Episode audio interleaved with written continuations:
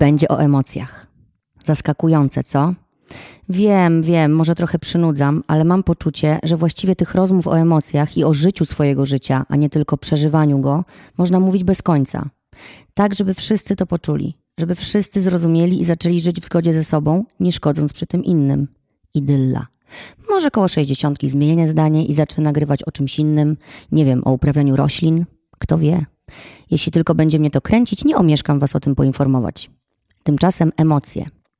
Emocje takie jak na przykład radość, ale też strach oraz myśli, intencje, praca z przekonaniami, kreowanie, tak, kreowanie swojej rzeczywistości i odkrywanie własnej prawdy.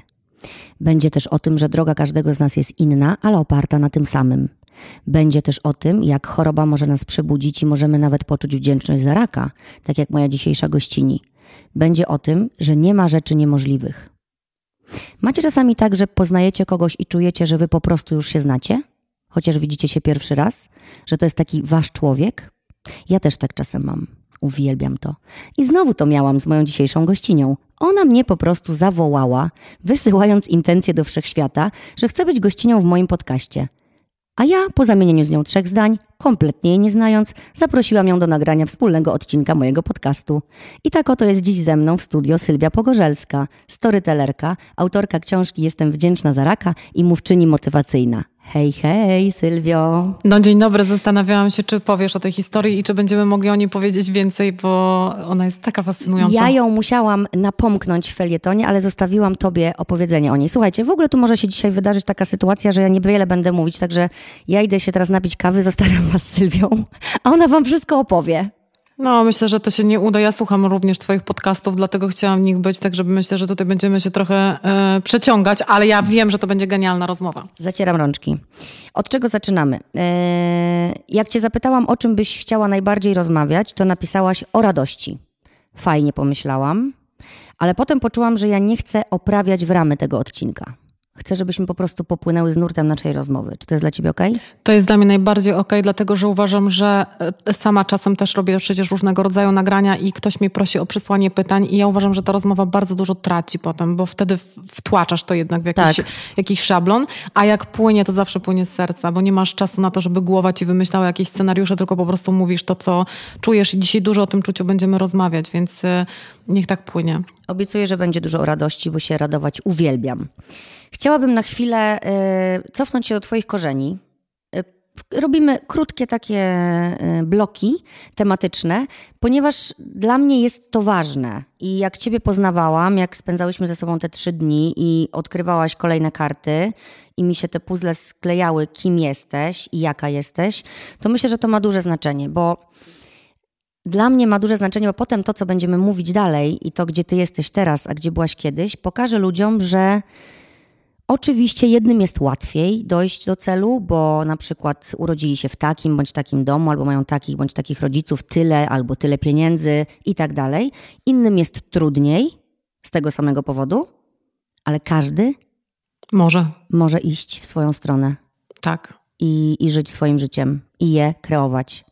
Każdy może bez wyjątku. Y, ja nawet śmiem twierdzić, że mm, daleka byłabym od tego, żeby powiedzieć, że niektórym jest łatwiej, niektórym trudniej, bo też zależy, o jakich celach mówimy, tak? Bo na przykład jeżeli komuś zależy na tym, żeby osiągać cele finansowe, a pochodzi e, z bogatej rodziny, z takiej rodziny, gdzie jest łatwiej, to jemu te cele finansowe będzie osiągnąć łatwiej. Aczkolwiek znam osoby, które pochodzą z bardzo zamożnych rodzin, a i tak odcięły się od rodziców i powiedziały, ja dam radę sama zbudować takie samo imperium.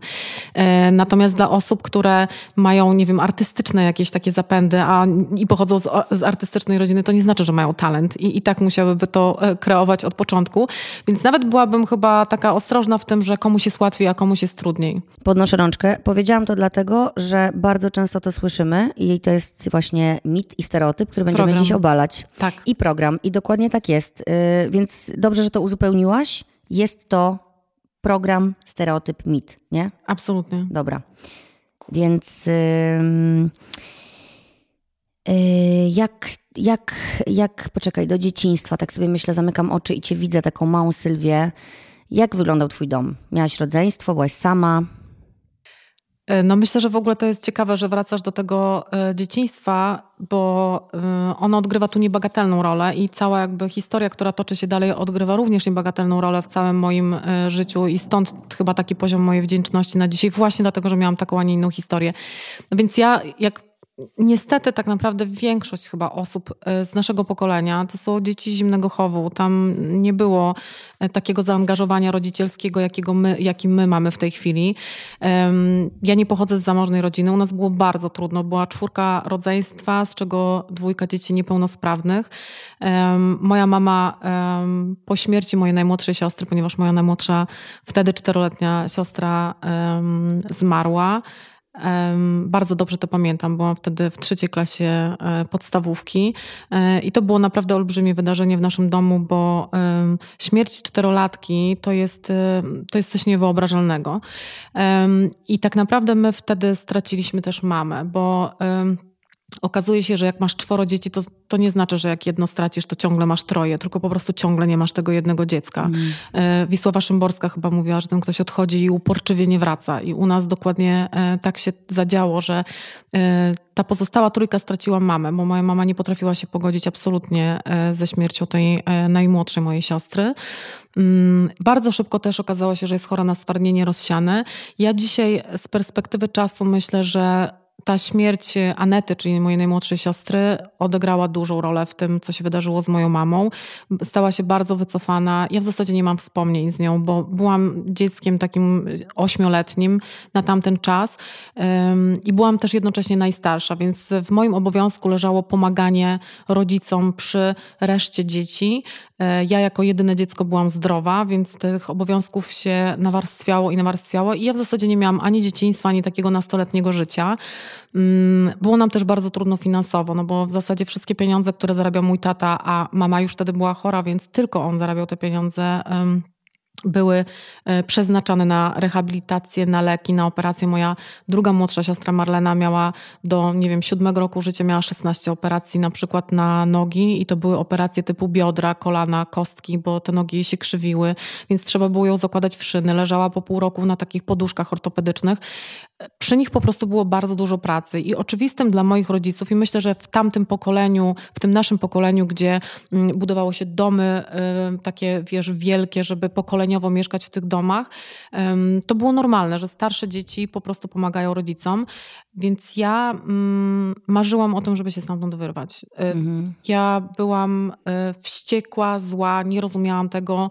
Nigdy nie byłam na żadnych wakacjach, na wyjazdach jakichkolwiek, no bo wyobraź sobie, żeby pojechać na jakikolwiek wyjazd, jeśli masz trabanta i masz czwórkę dzieci, z czego dwójka niepełnosprawnych na wózkach inwalidzkich. Umówmy się, to jest po prostu nie do zrobienia. Tak. Więc wyobrażasz sobie też, jesteś mamą, więc wyobrażasz sobie, jakie to też musi być obciążenie dla rodzica, mając czworo dzieci, takich dzieci, mhm. żeby nie zwariować w tym wszystkim, tak? Mój tata zmarł bardzo szybko, nazywał, miał 47 lat i wiesz, wtedy myślałam sobie, ja miałam wtedy lat 20, um, 27 i jak masz tatę, który ma 47 lat, a ty masz 27, to mimo tego, że dzisiaj wiesz, że 47 lat, no to umówmy się, jesteśmy ciągle w liceum. Tak. No to wtedy to jest po prostu tata i jakby zdawałam sobie sprawę z tego, że on jest no, starszy, wiedziałam, że jest młodo, że młodo umarł, ale to było bardzo dojmujące uczucie, takie, że dzisiaj jak na to patrzę, a sama za chwilę tyle będę mieć y, lat, to myślę sobie, Boże, jaki to był młody człowiek i mm, myślę, że oni najzwyczajniej w świecie nie dali rady, mm po mhm. prostu nie dali rady. Więc um, będziemy gdzieś jeszcze pewnie wracać do tej historii potem w takim moim starszym wieku, ale to dzieciństwo było trudne, naprawdę było trudne i wymagające. Czy ty czujesz, że wzięłaś na siebie odpowiedzialność, bo tak czułaś, czy jednak czujesz, że ci ją wrzucono i ty walczyłaś z tym, żeby jej nie mieć nie, na sobie? Jak to było? Wiesz co, to jest bardzo ciekawe pytanie, dlatego że gdybym dzisiaj miała na to patrzeć z perspektywy lat mhm. i tego doświadczenia, które mam, e, to myślę, że mm, tam się nałożyły dwie rzeczy. Pierwsza to była taka, że e, byłam wychowywana w takim duchu, że e, trzeba ludziom pomagać, więc ja mimo tego, że wszystko we mnie krzyczało, że nie trzeba ludziom pomagać, jeśli się tego nie chce, albo jeśli ludzie tej pomocy nie potrzebują, to wbrew sobie pomagałam, a jednocześnie czułam się w takim obowiązku, że jednak to są moi rodzice, jednak to jest moje rodzeństwo i Czyli to trzeba. wypada. Wypada trzeba, trzeba. wypada i tak. No właśnie, czyli twój paradygmat to trzeba pomagać. Nie z serca, nie z czucia, po prostu trzeba i koniec. Ale potem ci się to zmieniło w pewnym miejscu twojego życia. Ja to pamiętam z twoich opowiadań, że pomaganie może być super, kiedy płynie jako świadoma decyzja z serca i, i, i tak naprawdę wiesz, no umówmy się, że dobrze jest pomagać, nie? Czy, może nie trzeba, bo każdy powinien robić tak jak chce, ale dobrze jest pomagać i myślę, że każdy jak komuś pomoże, to też ma takie poczucie, że, że zrobił coś dobrego. E, Można tutaj nawet podejść do pomagania egoistycznie, jeśli ktoś chce pomagać, to, to może sobie zrobić tym jakąś przyjemność, ale to musi iść wszystko z serca, to pomaganie. Nie, właśnie jak już egoistycznie, to się oczywiście, że zaraz ktoś mi powie, tak, powiedziała, że pomagać egoistycznie jest dobrze. Dla mnie pomagać warto, ale trzeba mieć poczucie, że chcesz to, chcesz tego, e, chcesz to robić, nie? Nie właśnie, bo są tacy ludzie też, że Zresztą powiem ci, że ja też sama mam coś takiego, już nie będę o ludziach, że na przykład jak mi się tak dobrze wiedzie, i to też z moją terapeutką o tym rozmawiałam, to ja od razu muszę oddawać. I mówię do niej, no wiesz, teraz mi się tak udało, mm, dobrze, te podcasty idą fajnie, jest okej. No i wiesz, pomyślałam, że ja od razu pojadę i gdzieś y, tu dam pieniądze komuś, tu dam pieniądze. Ona mówi tak, ale poczekaj, dlaczego? Ja mówię, no bo wiesz, no bo skoro ja mam tyle, to ja muszę teraz oddać, nie? Bo inni mają mniej. I to nie jest to zdrowe pomaganie. Bo to jest moje, wiesz, muszę, muszę teraz to zrobić, bo tak trzeba, nie? Tak trzeba, skoro ja mam, to ja muszę dać. Uwielbiam pomagać wtedy, kiedy poczuję. Po prostu niezależnie od tego, ile mam, ile nie mam, to po prostu kiedy poczuję, nie? I sobie myślę, kurczę, teraz jest dużo osób starszych też, niestety proszących pod sklepami o jedzenie, o coś. I robię to regularnie. Po prostu robię zakupy ludziom, jak wchodzę do sklepu. No i z reguły ktoś pyta, y, czy może mi pani coś kupić do jedzenia? Ja mówię, oczywiście, na co ma pani ochotę? No i wtedy na przykład taka pani, mam taką jedną panią pod Lidlem, która mówi, ojej, to może chlebek i serek i pomidorek. Ja mówię, a jajeczko do tego takie ciepłe? Ona, ojej. Ja mówię, no to i masełko jak jajeczko. I widzę, jak ona się rozpromienia i już widzi to, że będzie sobie to jadła, nie? Dla mnie to jest niewiele, ale to jest taka pomoc, że ja wiem, że ta pani i ona, jak daje jej te zakupy, to ona idzie już do domu. Już tam nie musi stać. Ja wiem, że ona nie musi już tam więcej marznąć, wiesz, i czekać. Tak, Więc tak. to, to, jest dla mnie, to jest dla mnie tak miłe. Wiesz, uczę też tego moje córki. I na przykład one się wstydzą jeszcze podejść i wręczyć tą siatkę. Najpierw w sklepie cały czas mówię, to jeszcze jej kupmy, to jeszcze jej kupmy, wiesz. i- i Ekscytują się tym, że będzie, będziemy teraz pomagać. Ja mówię, dziewczyny, spokojnie. Ale jak przyjdzie co do wręczenia torby, no to już jest lekki wstydzik, nie? No i tak uczę je właśnie, żeby tak się otwierały i żeby właśnie podeszły, nie? Bo tak nie wiem, jak się zachować w stosunku też do osób potrzebujących, nie? Czy im współczuć, czy co. Ja po prostu podchodzę i mówię smacznego, no wszystkiego dobrego. Tak, myślę, że to, to trochę wynika też z tego, że umówmy się, że jest mnóstwo też takich ludzi, że wiesz, że oni nie potrzebują na jedzenie i teraz no możesz wybrać albo nie wybrać Mhm. i zostać z tym, ale fajnie, że uczysz y, y, córki, ja swoją córkę też tego uczę, ale ona nie ma z kolei umiaru, ona by rozdała wszystko, nie? po prostu gdziekolwiek nie idziemy, dzisiaj idziemy na kiermasz y, świąteczny i ona musi być pierwsza na tym kiermaszu, żeby wszystkiego nie wykupili, bo wszystkie Bo pieniądze ona musi tak, no bo to jest na pomaganie, nie? tak, tak, Bo, bo to jest kiermasz charytatywny, więc wszystkie Super. zarobione. I ona, kiermasz zaczyna się o 16, ona mówi, że idziemy o 15.30, żeby Zająć być pier- miejsce. zająć miejsce w kupowaniu. No, ale wiesz, to jest takie super e, właśnie w pomaganiu, że wtedy, mm, wtedy, kiedy już, ja myślę, że ono zaczyna się wtedy, kiedy ty już jesteś nasycona. Jeżeli ty już jesteś tak bardzo osadzona w tym, że ty jesteś w dobrym miejscu, że ty ty nie potrzebujesz pomocy, bo często jest tak, i ja to obserwowałam wielokrotnie u siebie, że ta taka kompulsywna potrzeba pomagania innym jest niemym krzykiem o pomoc dla siebie. Mhm. Że próbujesz się nasycić tym, że komuś zaczynasz pomagać, bo masz tak duże braki u siebie, że ten taki skrawek pomocy trochę sobie przypinasz do siebie i myślisz sobie, ojej, zrobiłam dobry uczynek i, i jest ci przez chwilę lepiej. Tylko, że paradoks polega na tym, że przychodzi taki moment, że jesteś już tak zapętlona w tym pomaganiu, że jesteś wyczerpana, bez sił, coraz więcej ludzi do ciebie przychodzi, ty już nie masz czego dawać, bo sama sobie wcześniej Tak. nie, nie, nie zapewniłaś i nagle się okazuje, że ta, i, i tutaj jakby wracam do tego dzieciństwa, i nagle się okazuje, że to właśnie potrzeba, wypada i tak dalej, i ty pomagasz, i pomagasz, i pomagasz, i nagle okazuje się, że jesteś taką po prostu pustą wydmuszką, która dramatycznie potrzebuje sama pomocy i zupełnie nie ma skąd jej wziąć, dlatego że wszystkich przyzwyczaiłaś do tego, że ty jesteś oddawania Mhm. A nie umiesz zupełnie wziąć czegokolwiek. Ja dzisiaj No będąc właśnie, bo to jest kobietą- jeszcze pytanie, czy nie ma skąd wziąć, bo nikt nie odda i to, i to nie wraca, dobro nie wraca, tylko to nie jest o tym, nie? Tylko Nie. o tym, że ty nie potrafisz Nie wziąć potrafisz wziąć. i tak. przyjąć. Absolutnie. Ja się do dzisiaj tego uczę. Ja mam 43 lata i do dzisiaj, jeżeli przychodzi do mnie ktoś z taką bezinteresowną pomocą, a teraz już się to tak zdarza, bo wcześniej właśnie w tym moim kompulsywnej, w tych moich kompulsywnych próbach pomagania ci ludzie się nie pojawiali, bo ja w ogóle nie byłam na to otwarta, więc jak masz zamknięte drzwi, no to ktoś zapuka raz, drugi, trzeci, ale dziewiąty już nie zapuka. I ja do dzisiaj uczę się brania. Ja jestem na przykład, y, odnajduję to, że ja jestem zażenowana wtedy, kiedy ktoś mi y, chce pomóc. I zobacz, jakie to jest przedziwne odczucie, że z jednej strony ty dajesz i jakby oczekujesz, że ktoś od ciebie weźmie z otwartymi rękoma i mnóstwo osób potrafi to zrobić, a potem przychodzi ktoś do ciebie i mówi, proszę, to jest dla ciebie, a ty mówisz, nie, nie, nie potrzeba, nie, ale nie, daj spokój. Wiesz, jak my potrafimy odmówić? Zobacz, ludzie często mówią, że nie potrafią y, zarabiać pieniędzy, że pieniądze się ich nie trzymają, a przychodzi do ciebie ktoś, zrobisz mu jakąś przysługę i on mówi, słuchaj, ja ci zapłacę za tą przysługę. I, I co my robimy? Nie, nie, no co ty, daj spokój, w ogóle nie ma potrzeby i tak dalej. W ogóle jakby nie chcemy Tak. tego przyjąć. Tak. Ale dlaczego, tak? Bo sama dobrze wiesz, że pomaganie jest takie, że jeśli widzisz radość w czyichś oczach, to to jest dla ciebie zapłata.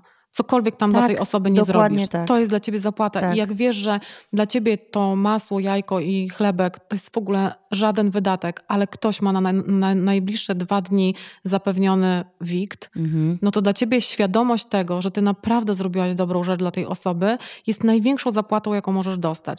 No a teraz, jak odwrócimy tę sytuację i ktoś przyjdzie do ciebie z taką samą intencją, jak ty wręczasz tą reklamówkę, to ty mówisz, ale nie, nie trzeba. Jakby sama sobie ujmujesz natychmiast, tak? Nie mówię oczywiście o tobie, tylko tutaj na potrzeby. Właśnie, właśnie się schemacie, zastanawiałam tak? Od razu, schemacie. jakbym zareagowała, jakby mi ktoś przy, przyniósł reklamówkę z jedzeniem, co bym powiedziała. No, myślę, że dzisiaj bym powiedziała, nie trzeba było, Mhm. ale z racji tego, że ktoś się postarał i jednak o mnie pomyślał, to bym to przyjęła i bym podziękowała. Ale zobacz, nawet na chwilkę się zatrzymałaś, nie? Jak Tak. się nad tym zastanawiasz. No bo nie że... chcę tu ściemniać, no. Tak, Na pewno tak. pierwszym odruchu powiedziałabym, że ojej, ale nie trzeba było. Mhm.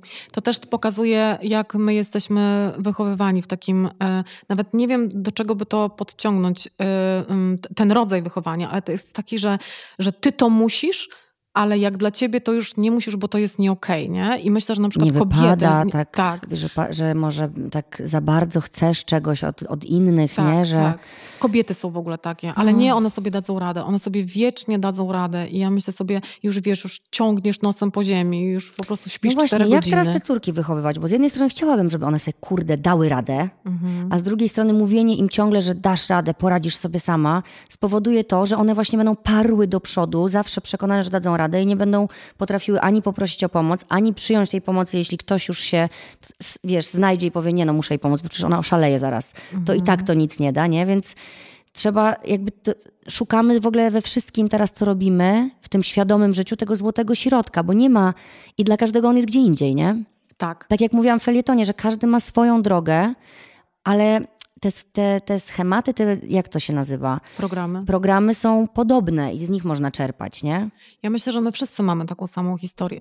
Naprawdę, każdy z nas ma taką samą historię. e, Ona się może różnić szczegółami, e, ale myślę, że to nasze, wracam po raz kolejny, bo, bo uważam, że to nasze pokolenie jest wyjątkowo mm, pokoleniem, które bardzo, które bardzo dużo doświadczyło i doświadcza i mam wrażenie, że jesteśmy trochę na przełomie takich dwóch światów, czyli wtedy, kiedy był ten zimny chów i e, no nie mieliśmy jakichś wzorców, to byli zapracowani rodzice, często rodzice nie, nie, nie mający pieniędzy. Jeśli mówi, mówimy o małych miastach, to już w ogóle tam była, e, było trudno, naprawdę było trudno, ale dzisiaj mamy takie narzędzia i ten świat cały tak bardzo przyspieszył, jeśli chodzi o rozwój, że łatwo nam jest wyłapać, e, co było takiego, co nas jakby przybiło do ziemi, no bo popatrz, jakim, ja- jacy my jesteśmy. My jesteśmy bardzo niedowartościowani i w ogóle uważam, że to idzie już w naszym DNA. Ta Polska wiecznie rozgrabiana, e, wiecznie pierwsza na wojnę i zawsze najbardziej w dupę dostała. Po prostu my jesteśmy też takim, e, jeśli chodzi o lokalizację, to Polska jest krajem, który naprawdę dużo doświadczył i myślę, że mamy mnóstwo właśnie w DNA takich starych schematów, a jednocześnie e, zaczynamy się rozwijać, więc jesteśmy w stanie zauważyć te błędy. I cudowne jest to, że ja jestem w takim miejscu, że ja nie mam żalu do moich rodziców. Oni dali tyle, ile mogli, tyle, ile umieli. Nikt ich nie nauczył, oni mieli jeszcze trudniej. I wracając do tego twojego pytania a propos córek, Ja też jestem już w tym miejscu, muszę to powiedzieć, bo to odkryłam jakiś czas temu, bo jednak miałam takie poczucie, wiesz, przez jakiś czas, że kurczę, Mogliby. no dlaczego oni o tych emocjach tak nie rozmawiali i tak dalej, ale e, teraz już mam tak wyczyszczone to wszystko, że mam taką miłość sobie do nich, Tak. że mimo tego, Mhm. że widzę jakby te, te starania, nie? To wszystko, te, te wszystkie rzeczy z terapii, te wszystkie, e, to wszystko, czego się nauczyłam jest moje. Tak. Tylko moje. Ja nie mogę, ja wiem, że już nie mogę od nich oczekiwać, że oni powinni byli to wiedzieć. Tak, dokładnie Wiesz, tak. i, i, i czuję spokój, i czuję wdzięczność i miłość do moich rodziców, bo wiem, że dawali sobie radę najlepiej, jak potrafili. Dokładnie. Poza tym, popatrz, jesteś mamą i myślę, że gdybym cię dzisiaj zapytała, czy em, robisz na 100% wszystko dla swoich córek, w sensie mówię o tej miłości, takiej, że naprawdę chcesz, jej, chcesz im dać wszystko. Ja jestem przekonana, że nasi rodzice dokładnie to samo robili. Tak. A Oni jaka- jak myślisz, że odpowiem? Że nie robisz? No nie wiem, No nie, to ja nie zapytam. może ja lepiej. Nie zapytam. Nie, robię, robię w ogóle. Nie, ale wiesz, robię, chodzisz. Robisz tak dużo, jak umiesz. Tak, no i cały czas mi się wydaje, że mogłabym jeszcze więcej. Jeszcze Mogłabyś więcej. jeszcze więcej. No ale kolei- to nie o tym, bo tak. i tak mówimy, że rodzice robili na pewno to samo. Nasi Bo my rodzice. jesteśmy w tej też pułapce teraz mm, rozwojowej, bo my mamy też trudne, trudno. Oczywiście. Dostaliśmy narzędzia w cholerę, Tak, parę walizek. tak. I, I chcemy trochę z tej walizki, dobra, tu zajrzeć. To, to, o, to biorę, to biorę, to biorę. Tylko tego się robi miszmasz za dużo. Czasami nie jesteśmy w ogóle gotowi, żeby te narzędzia, y, nie wiemy jak ich używać w ogóle. Tak. Tylko je mamy w ręku i myślimy, że to już teraz się właśnie wydarzy, bo ja mam to narzędzie. Ale no nie wiesz, no jest jakiś, powiedzmy, no już obrazowo jakiś tam patyk z czymś i gdzie to się wsadza, czy jak to się kręci, w ogóle wiesz, Tak. no nie wiesz Mhm. tego. Więc my musimy też y, zachować zdrowy rozsądek w tym wszystkim, nie? Tak. i po prostu brać te narzędzia albo po kolei się uczyć, jak ich używać, te narzędzia, na które jesteśmy gotowi, nie? którymi się nie skaleczymy. A ja wiesz co, myślę sobie, e, patrząc na tą swoją drogę już kilkuletnią, że faktycznie masz po prostu pierdyliardy narzędzi i e, śmieszność tej sytuacji polega na tym, że wtedy, kiedy zaczynasz siebie traktować jako źródło najlepszej informacji i tylko twoje czucie jest dla ciebie drogowskazem, to nagle okazuje się, że te wszystkie warsztaty i te wszystkie walizki z narzędziami, że one były bardzo ważne dla narzędzia pod tytułem głowa, czyli wytłumaczę głowie, dlaczego to, co czuję, jest ok i że, dlatego, że powinnam się tym No, kierować. ponazywam jakoś też, nie? Tak, Coś. tak, żeby to gdzieś Żeby zakwali- tak. wa- zakwalifikować, żeby to było łatwiej ująć w jakieś ramy. Ale dzisiaj z pełną świadomością mogę powiedzieć to, że, mm, że wszystkie odpowiedzi są w tobie. Znasz odpowiedź na każde pytanie, jakie tylko sobie zadasz, absolutnie na każde. Pod warunkiem, że jesteś e, nauczona obsługi swojego ciała. Ciało daje bardzo jasne sygnały. Nie sposób je pominąć wtedy, kiedy już jesteś uważna na to ciało. I myślę, że głowa wtedy staje się właśnie narzędziem do tego, żeby, żeby wykonać te polecenia, które daje ci czucie. No bo jestem przekonana, że nie trzeba być jakimś super e, mistrzem świata energii, żeby wiedzieć, że na pewno tak masz, że wchodzisz na przykład w jakieś towarzystwo i po prostu z jedną osobą natychmiast nawiązujesz kontakt, a druga no odpycha cię. I nie chodzi teraz o ocenę tej osoby, tylko dla ciebie Na to nie jest ten, czucia. na poziomie czucia to nie jest ta osoba, z którą jesteś w stanie nawiązać relację. I nie dlatego, że ona jest gorsza albo jakaś, tylko dlatego, że no nie rezonujecie na tych Mhm. samych falach. I zobacz, czasami jest tak, że jesteś w windzie i nie jesteś w stanie stanąć blisko osoby, nie? I to jest tak, że można sobie dyskutować o energiach, czy one istnieją, czy one nie istnieją, ale jak wchodzisz w to pole energetyczne drugiej osoby, no to albo klika, albo nie klika, Tak. a przecież nic nie wiesz o tej osobie. No tak jak miałam z tobą na przykład. Tak. I, no to, to było, w ogóle to było niesamowite, bo ja cię naprawdę widziałam pierwszy raz tam na oczy i w ogóle nie słyszałam o tobie nic. No właśnie, bo jestem taki incognito. Ale zobaczyłam cię, zamieniłyśmy dwa zdania Tak. I wcześniej słyszałam już, bo miałaś już wejście, co mówisz. I mówię, Boże, jaka super babka. I już poczułam, że po prostu dogadamy się. Wiesz? Dogada- Nie miałam problemu. Bo Tak. wiesz, mam tak czasem, że spotykam ludzi, którzy chcieliby być gośćmi w podcaście. W ogóle dziękuję wam za to, to jest zawsze dla mnie miły komplement. No ale nie z każdym mam tak, że ja właśnie czuję, że ta rozmowa nam popłynie. A tutaj poszłam po prostu w ciemno. Bardzo Ci jestem za to wdzięczna, naprawdę, bo wiesz Słuchacze ocenią. dobrze- Tak, zobaczymy, czy co to była powiedzą. jakaś energia, czy coś płynęło.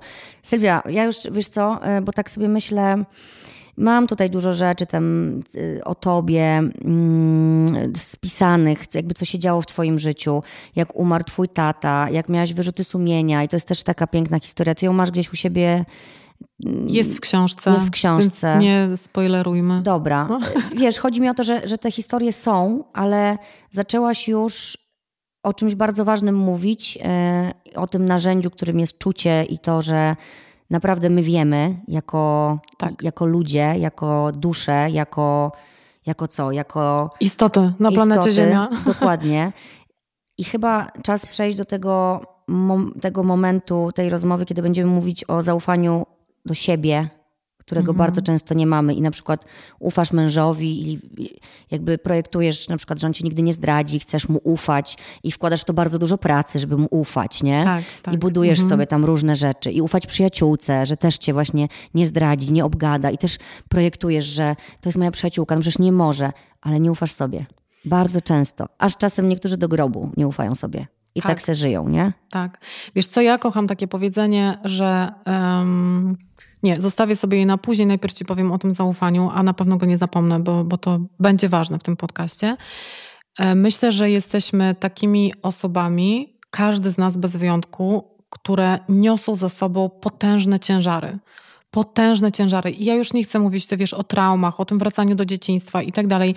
Mm, To jest tak, że patrzysz na kogoś w telewizji albo e, na Instagramie, gdziekolwiek i myślisz sobie, takim życiem chcę żyć.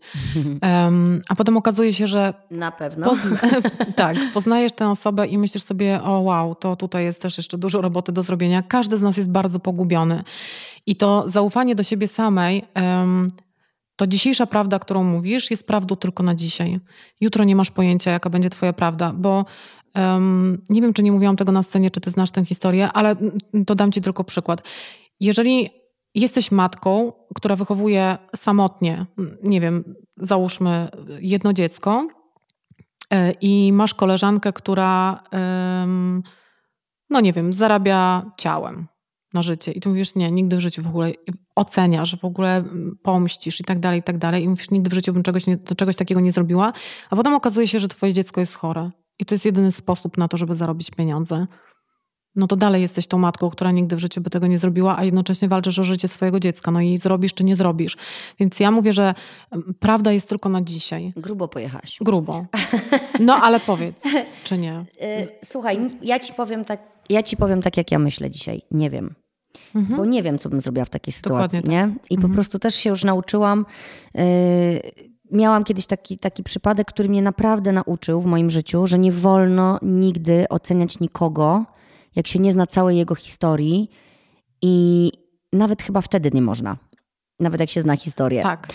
Właściwie nie można, bo miałam taki przypadek, że w naszym mm, towarzystwie dziewczyna była w ciąży i e, facet, z którym miała to dziecko, umarł.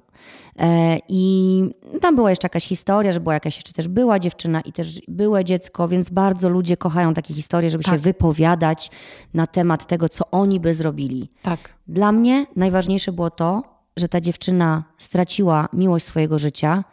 Jakkolwiek by się to podobało komukolwiek, czy oni powinni być razem, czy nie powinni być razem, czy kogoś to zraniło, że oni są razem. Straciła miłość swojego życia, będąc w ciąży, i musi to przejść bez żadnych leków, bez żadnego wspomagania. Musi to po prostu wziąć na bary i po prostu Tak. to przeżyć, nie? I nigdy by mi nie przyszło do głowy, żeby mówić, no ja bym na przykład na pogrzeb tak się nie ubrała, albo ja to bym w ogóle nie przyszła, albo ja to bym to zrobiła, albo ja bym tak, tak zrobiła. Nigdy nie wiemy, co byśmy zrobiły, dopóki nie staniemy tu i teraz w tej Oczywiście. sytuacji. Nie? Mhm. Oczywiście. I to jest w ogóle taka, taka prawda, którą każdy powinien sobie wdrukować i ją stosować. Tak naprawdę, to jest może takie nauczycielskie teraz, ale kurczę, nie wolno. Nie wolno, a ja ci powiem e, bardzo mocną historię a propos oceny. To była jedna z historii, która życiowo utarła mi nosa e, do krwi. E, I to był pierwszy z takich momentów, kiedy pomyślałam sobie, naprawdę nie wolno, nie wolno oceniać. Żeby było śmieszniej, sytuacja dotyczyła mojej przyjaciółki, którą znałam bardzo dobrze od lat. E, I wszyscy traktowaliśmy ją jako księżniczkę, ponieważ ona mm, była w związkach maksymalnie 2-3 miesiące, a potem te związki się rozsypywały, potem długo z nikim nie była, potem znowu z kimś była. I w towarzystwie miała e, ksywę księżniczka, że po prostu jej nie dogodzisz. Mhm. No jej nie dogodzisz, ona cały czas zmienia jak rękawiczki, a ona nigdy na ten temat się nie wypowiadała. I przyszedł taki moment, kiedy doszło do rozmowy między nami, mimo tego, że znałyśmy się już wiele lat. I ona mi powiedziała jedną rzecz. E, Miała wtedy, myślę, 35 lat, więc to już wiesz taki czas, że wypada już mieć faceta, dobrze by było zało- założyć rodzinę i to wszystko, ale kiedy ty i, i tak, Tak. dalej, i tak dalej. Ona nigdy na to nie odpowiadała. I doszło w końcu e, do rozmowy między nami. I ona mi powiedziała tak. Jak miałam 19 lat, to okazało się, że mam cystę na jajniku. I miałam tę cystę do usunięcia, bo była całkiem duża. Trafiłam na stół operacyjny, a jak się obudziłam, to okazało się, że to był rak i została mi wycięta macica, jajniki, po prostu wszystko. E, straciłam całą swoją kobiecość. I każdy mój związek, który zaczynam, mm, zaczyna się tym, że ja w głowie układam sobie, kiedy będzie dobry moment żeby na to, żeby powiedzieć temu facetowi. Mhm. I mam teraz, zazwyczaj jest tak, wszystkie te moje związki, które się kończą, kończą się dlatego, że jeśli powiem za wcześnie, to gość do mnie mówi stara w ogóle, ale dwa miesiące spotykamy się tymi tu o dzieciach, a jak się spotykam długo, to, to, to z kolei słyszę, a nie mogłaś mi tego powiedzieć wcześniej. Mhm. Każdy jej związek rozpadał się tylko dlatego, że dla faceta to było nie do udźwignięcia. I powiem ci, że było mi tak strasznie wstyd wtedy.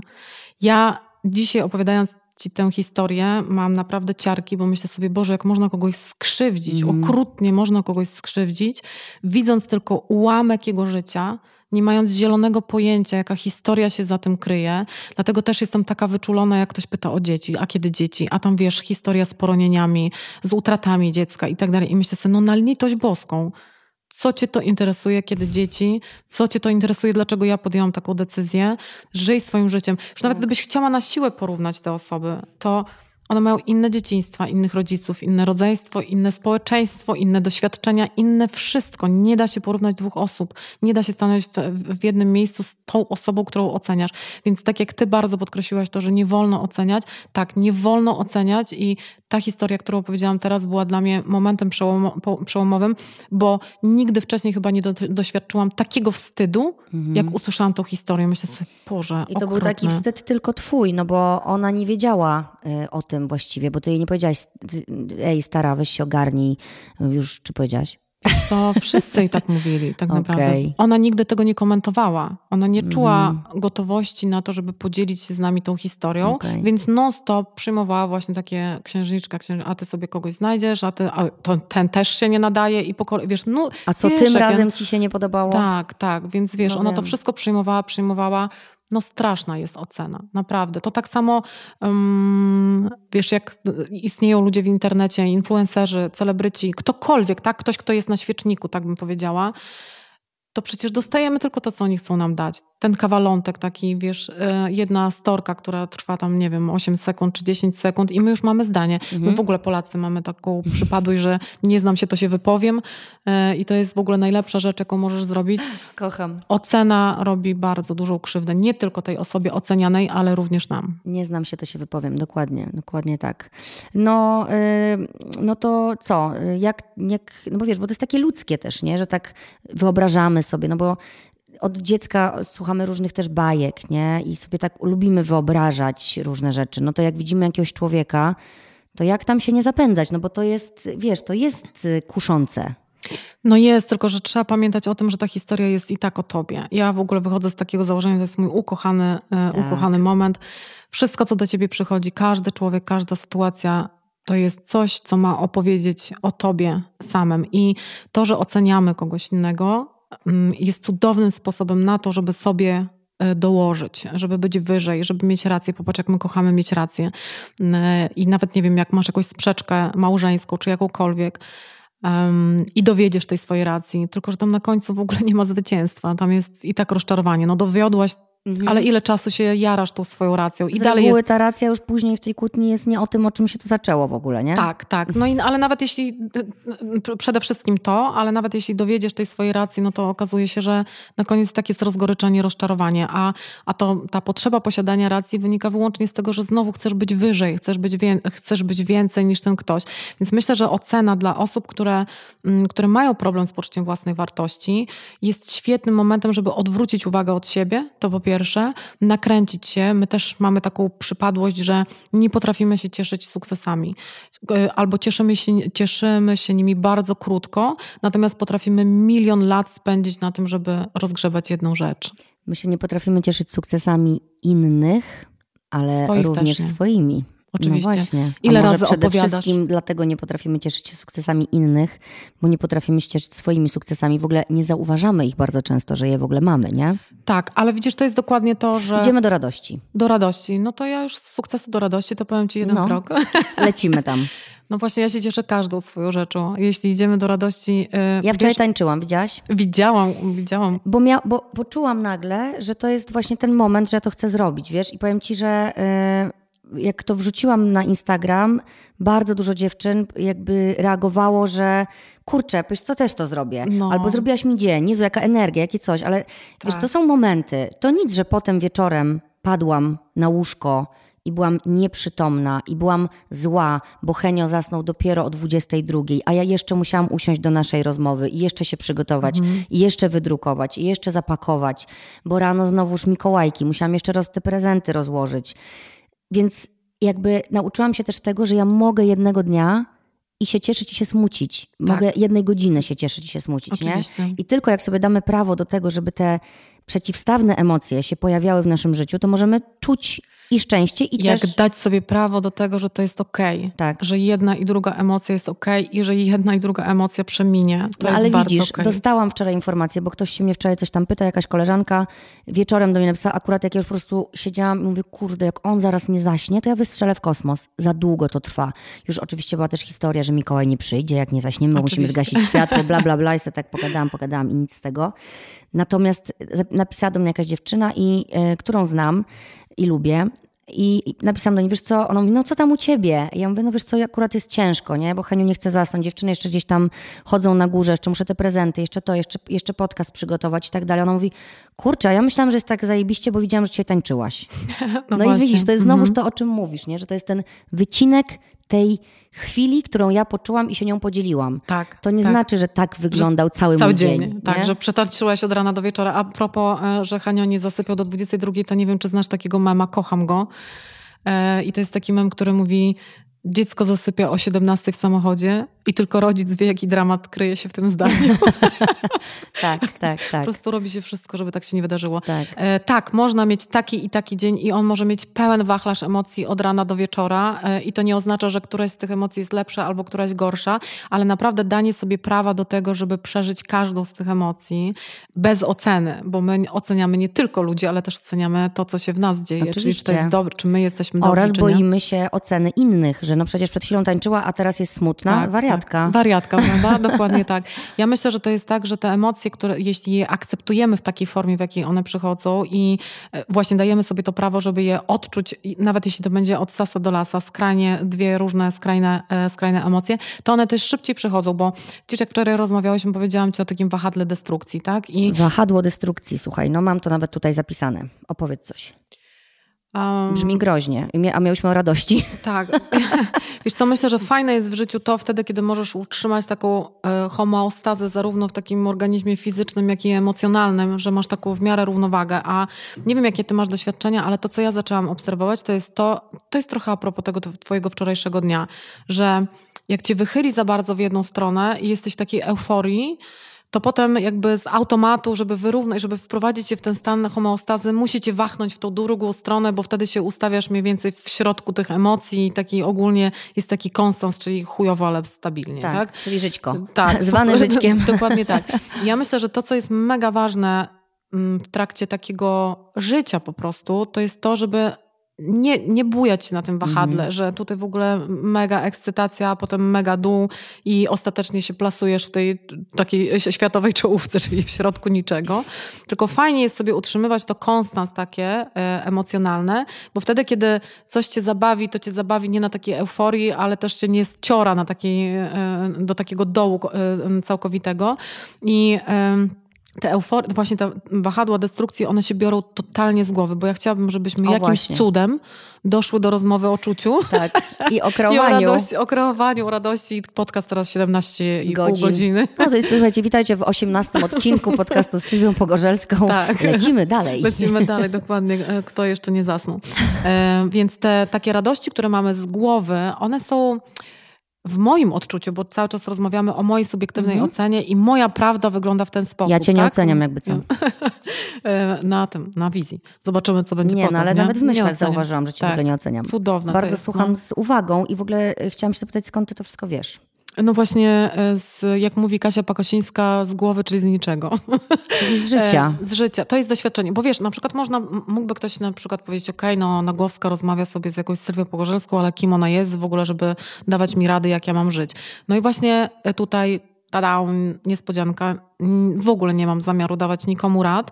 Natomiast uważam, że y, mam tak ciekawe doświadczenia życiowe, że daję sobie prawo do tego, żeby o tych życiowych doświadczeniach opowiedzieć, bo wiem y, od na przykład czytelniczek mojej książki, że dostałam mnóstwo wiadomości takich, które mówią, to jest opowieść o mnie. Tam się różnią szczegóły, ale to jest mhm. opowieść o mnie, więc wiem, że mamy jakiś wspólny mianownik. Tak. I tak Każdy jak z Kasią. Z nas ma. Tak. Jak z Kasią Nosowską rozmawiałaś o tym, że każdy ma swoją drogę i, i o tym siostrze i tak dalej. To bardzo dobry zresztą podcast. To myślę Dziękuję. sobie, że właśnie fajne jest to, kiedy wychodzi ktoś, na przykład taki jak ja, czy każda inna Kasia, Basia i, i ktokolwiek inny, który ma odwagę powiedzieć, ja również się borykałam z takimi rzeczami, takimi albo innymi. Opowiedzieć o swoim doświadczeniu. No tak. bo to doświadczenie jest najważniejsze. To tak jak powiedziałaś, że nie y, książki, nie kursy, też mówiłyście to na evencie z Klaudią, że nieważne ile książek przeczytasz, nieważne ile kursów przejdziesz, tak. to musisz zacząć przeżywać różne tak, rzeczy, żeby tak, doświadczać tak, na, na sobie, nie? Tak, dokładnie. I bardzo fajnie jest słuchać, jak ktoś doświadczył, bo można pójść troszkę na skróty. Można. I trochę o tym to jest, no bo wtedy dostajesz jakiś drogowskaz i mówisz, kurde, no to jest rzeczywiście o mnie, nie? Tak, tak. I myślę, że właśnie to jest trochę tak, że yy, jak ja siedzę u kogoś albo u siebie, bo sama też zapraszam yy, różnych bardzo ciekawych gości i rozmawiam z nimi, to ja nie potrzebuję dać komuś radę. Ja potrzebuję powiedzieć, słuchaj, mi też było w życiu ciężko, naprawdę. I mogę zostać sobie pod tym, wiesz, drzewem tam 18 lat i myśleć, Boże, jak mi było ciężko, Boże, jak mi było ciężko. A mogę stanąć do tego i powiedzieć, dobra, było mi ciężko, uznaję tę historię. Karetka pojechała. Karetka. Uznaję tę historię, e, ale idę dalej, jakby nie wybieram tego. Więc nie mam żadnych e, takich doświadczeń, którymi bym się nie mogła podzielić i nie, nie mogłabym wyciągnąć z tego lekcji. I wiem, że te moje historie pomagają innym kobietom, bo na przykład odważają się powiedzieć, tak, ja nie daję rady, bo mm. Kurczę, a to jest bardzo wiele. Ja też chciałam, ja wielokrotnie mówiłam, ja już nie chcę dawać rady, a może ja wcale nie chcę dawać rady, no bo dlaczego my mamy ciągle dawać radę? No, jak, w imię czego? Jezus, nie znoszę tego, jak się żalę komuś, bo mam potrzebę się pożalić, mhm. a ktoś mówi, dasz radę. No. Ja wiem, że ja dam radę. Ale nie to ale chcesz na tym etapie teraz. teraz. jest mi ciężko. Ja tak. wiem, że ja sobie poradzę, ja sobie zawsze poradzę. Tak. Ale świadomość, że sobie zawsze poradzę w sytuacji, kiedy jestem w jakiejś trudnej emocjonalnie chwili, nic mi nie wnosi. Dokładnie tak. A ty po prostu masz ochotę się teraz rozsypać, żeby ktoś po prostu był obok ciebie i powiedział, nie musisz wcale dawać rady. Tak. Jak potrzebujesz się być rozsypana, to bądź rozsypana. Ja bardzo lubię, wiesz, mam nadzieję, że to się przyda. Mm, najpiękniejszymi ćwiczeniami dla mnie e, na tamten czas, kiedy e, chorowałam, e, do dzisiaj zresztą trenuję to, mm, to jest takie ćwiczenie, które pozwala ci cofnąć się do swoich lat wtedy, kiedy było ci trudno, do różnego rodzaju zdarzeń, ale też w różnym, w różnym wieku, tych zda jeśli te zdarzenia się działy w różnym wieku. I po prostu wyobrażasz sobie tę dziewczynę, tę, tę siebie, tę mnie, wtedy, kiedy było jej bardzo trudno, i ty z poziomu dorosłej Justyny siadasz sobie obok niej i mówisz: Trudno ci jest, prawda? Widzę cię, jestem dla ciebie. Że ta siła, którą możesz dać sobie sama, jest największą siłą, największą mocą jaką możesz sobie dać. Żadna obca osoba nie jest w stanie spowodować, że oczywiście to będzie pomagało na chwilę, bo nie chcę powiedzieć, że nie pomoże ci psycholog czy psychiatra, czy nie pomoże ci twoja przyjaciółka. Oczywiście, że ci to pomoże, ale prawdziwa moc kobiety dzieje się wtedy, kiedy ona dla siebie jest największym wsparciem. I teraz zobacz. Dla faceta też to działa? Żeby on był dla siebie sobie największym mhm. wsparciem? Oczywiście, że tak. No bo... to powiedzmy to, bo wiecie co, wiecie co, wiecie co ludzie, którzy mnie tam słuchajcie, faceci.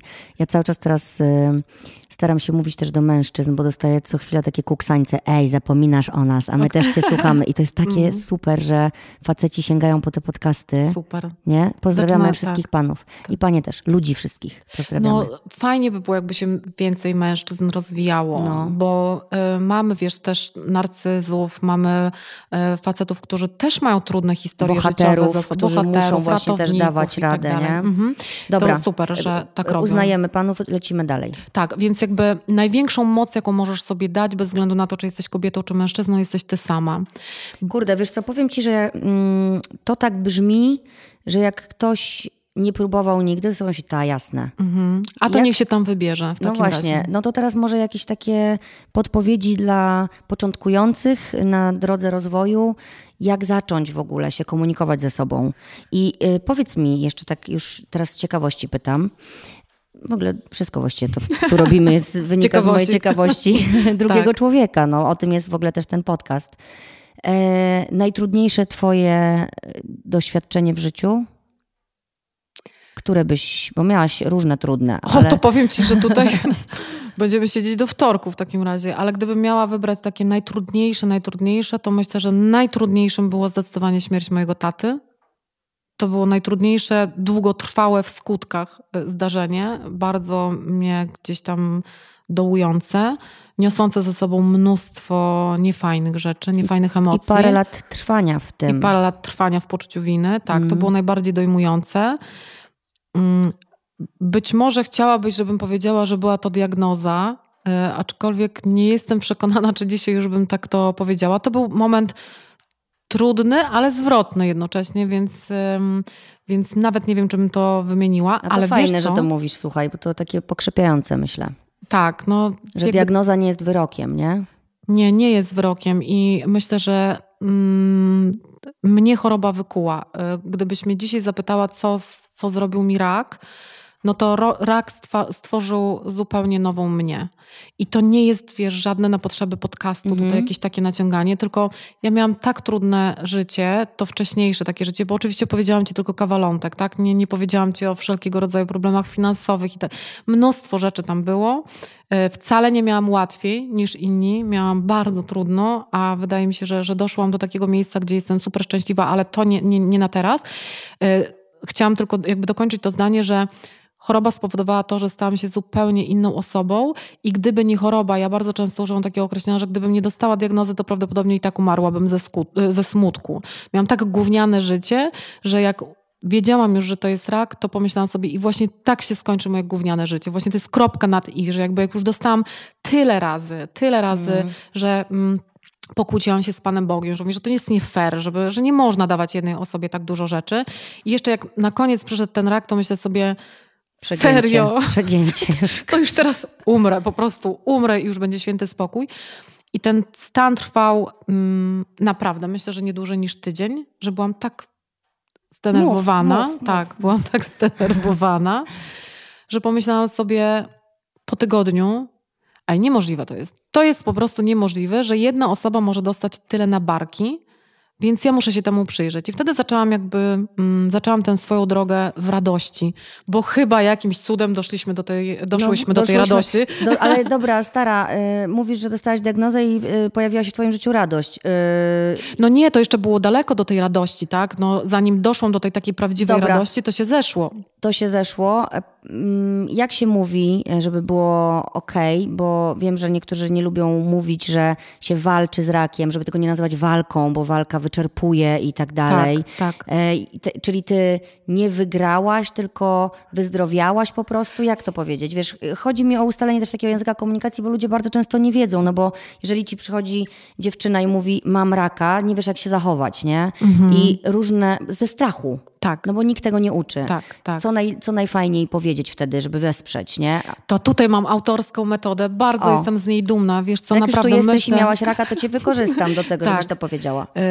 Jestem bardzo dumna z tego, co mi przyszło do głowy, bo wiesz, jaki rak ma PR, tak? To jest, umówmy się, mm, ciężki kaliber, ale ja zaczęłam to nazywać w taki sposób, że ja od momentu, kiedy dostałam diagnozę, zaczęłam zdrowieć. Bo dopóki nie wiesz, że masz tego raka, a potem już wiesz, że go masz, no to zaczynasz od momentu diagnozy zaczynasz być chorą osobą. Mimo Mhm. tego, że wczoraj byłaś zdrową, bo nie wiedziałaś, że masz raka, a dzisiaj już masz diagnozę, więc jesteś chora. Okej, no E, tak, i to jest z dnia na dzień, to jest zmiana całego twojego życia, Dokładnie nie? tak. I ustawiasz się w pozycji osoby chorej. Mało tego, ta walka, bo to też chciałabym tutaj podkreślić, ja nie używam tego określenia, No dlatego właśnie. że uważam, że jeśli to jest kawałek ciebie, bo ten rak ciągle jest kawałkiem twojego ciała, to trochę tak jakbyś walczyła z, z kawałkiem samej siebie. Więc e, warto sobie ten taki konflikt wewnętrzny też e, wyrzucić. Z tego. Czyli ale co uważam, mówisz, że zdrowiejesz? Ja mówiłam, że od, od dnia diagnozy zaczęłam zdrowieć i jak rozmawiam z dziewczynami, które właśnie dostały diagnozę, to zawsze im mówię, czyli od dzisiaj zaczynacie zdrowieć. Super. I uważam, że to ma taką moc, że jakby nie ustawiasz się w pozycji ofiary tej, która jest chora teraz I na że raka, idziesz tak? na wojnę. Tak, że idziesz na wojnę.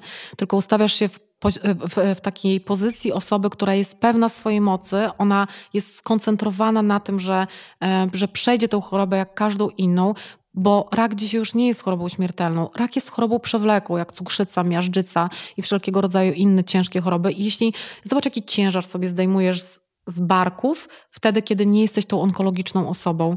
Przecież to nie jest też tak, że jak dostajesz diagnozę, to po prostu nagle wywracasz się do góry nogami i po prostu nic już nie jesteś w stanie zrobić. Nie funkcjonujesz dla życia, nie funkcjonujesz dla rodziny, nie funkcjonujesz dla społeczeństwa. To Dla jest po siebie. prostu dla siebie. To jest, to jest coś, co trzeba przejść. Więc ja uważam, że to jest przepiękne, że od dnia diagnozy zaczynasz zdrowieć. No, y, pamiętasz, y, jak nam się tu przerwało nagranie, to rozmawiałyśmy, y, o czym to było, bo teraz chcę to wrócić do tego. Ja ci powiedziałam, nie mów, nie mów, powiesz na, jak będziemy nagrywać.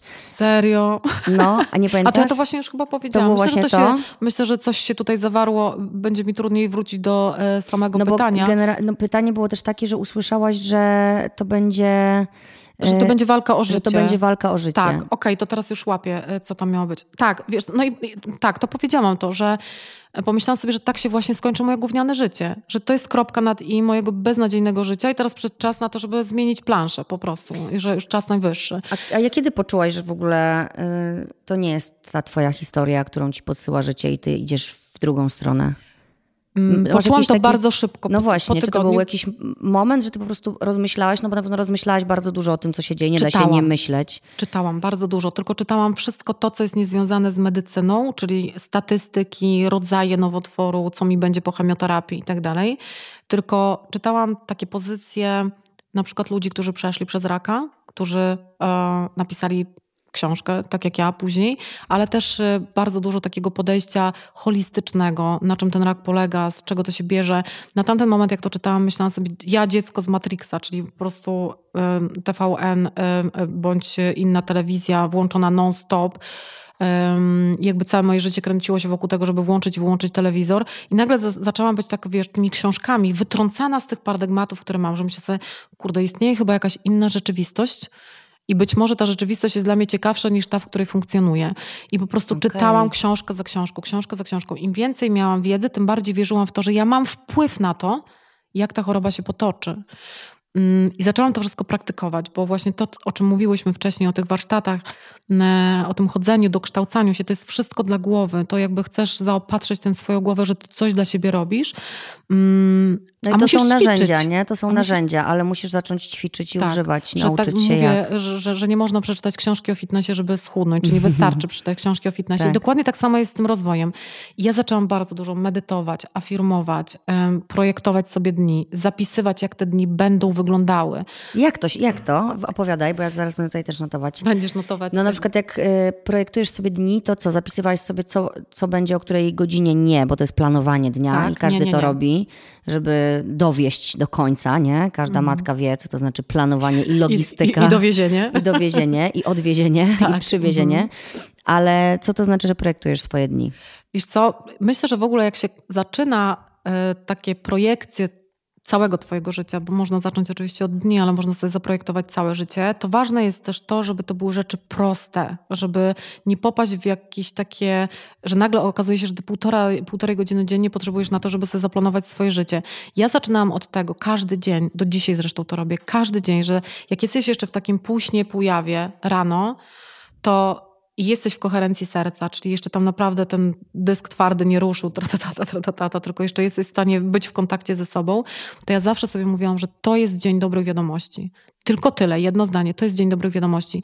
Jak wiedziałam, że zależy mi na pełnej odpowiedzi histopatologicznej, czyli takiej, że skończę chemioterapię i będzie operacja i tam nie będzie komórek nowotworowych, to ja wyobrażałam sobie to, jak, wygląd- jak będzie wyglądał mój dzień, kiedy pójdę do mojej onkolog, żeby usłyszeć, że jestem zdrowa. I, i tutaj wtrącę jedną rzecz, że w tych afirmacjach, wizualizacjach bardzo ważne jest to, żeby nie klepać jakichś, wiesz, informacji typu to będzie tak, będzie tak, albo Będę jest zdrowa, tak, będę zdrowa, zdro- będę zdrowa, tak. będę zdrowa, będę To zdrowa. chodzi o to, że ty masz się czuć zdrowa. ty masz być zdrowym człowiekiem. Dla siebie samej masz być zdrowym człowiekiem. Masz się cieszyć z tego, że ty Czyli już jesteś zdrowa. Tak to, co Klaudia, Klaudia, wiesz co, nie oszukać. E, Klaudia o tym mówi, że skutek poprzedza przyczynę. Okay. Ty już czujesz skutki tego, mhm. że zostałaś wyleczona. Ale to jest trudne. Wiesz co, nie. Nie jest wcale no takie trudne, jakby się mogło robić? wydawać. Dlatego, ja jestem że początkująca. Naucz. E, nie jest takie trudne, dlatego że jeżeli zaczynasz każdy swój dzień i trwasz przez cały ten dzień w taki sposób, żeby umieć celebrować te malutkie radości, które są, to przysięgam ci, że im częściej je celebrujesz, im więcej tych malutkich drobiazgów zaczynasz jest, które je dostrzegać w ogóle, je, że one pierwsze, są. Tak, po pierwsze je dostrzegasz, po drugie zaczynasz generować w sobie radość, mhm. generować w sobie wdzięczność. I teraz, jak już wiesz, wszystko jest oparte na wibracjach i jak masz w sobie tę wibrację tej radości 40 razy w ciągu dnia z takich pierdółki typu, że jak nie wiem, nie strąciłaś szklanki ze stołu, bo to też jest radość, a mogłaś strącić przecież, tak? Okay. Jeżeli umiesz sobie w to, Czyli to można, wygenerować... Naprawdę można wyszukać na początku, jak ci jest trudno rzeczywiście się cieszyć, no bo jesteś właśnie w trudnej sytuacji, e, na przykład, kurde, już nie wiem, czy po diagnozie, czy rozstałaś się, czy nawet straciłaś Każdy pracę, dziedzinie. czy po prostu masz gorszy czas, nie? Tak, tak. No to ciężko jest tak nagle się cieszyć, ale może rzeczywiście można łapać się mów... wszystkiego, tak. tak, co, jest, co może być pozytywne. Tak, Antony Hopkins Znaczy może ma... być, no jest to pozytywne właściwie. To jest pozytywne, No. tylko że my nie umiemy się cieszyć z małych rzeczy. Zobacz, Wypiłam no- ciepłą kawę, ja się na przykład cieszę. Chociaż nie piję kawy ostatnio już w ogóle, ale piję herbatę i maczę. Tak, wiesz, my nie, po prostu nie potrafimy cieszyć się z małych rzeczy. Jesteśmy tak przebodźcowani, że dopiero wtedy, kiedy dzieje się rzecz spektakularna, ta rzecz jest w stanie nas na chwilkę Jest, ale ucieszyć. też myślę, że, że jak się nie potrafisz cieszyć z małych rzeczy, to ze spektakularnej też się tak nie ucieszysz. No ale na przykład myślę sobie, że jak ktoś nawet nie umie się cieszyć z małych rzeczy, ale na przykład dostałby wycieczkę na Zanzibar, to to jest w stanie go wytrącić Uśmiechnąłby z tego. się. To, to może być Jednak. gdzieś tam półgębkiem, może by coś tam się wydarzyło.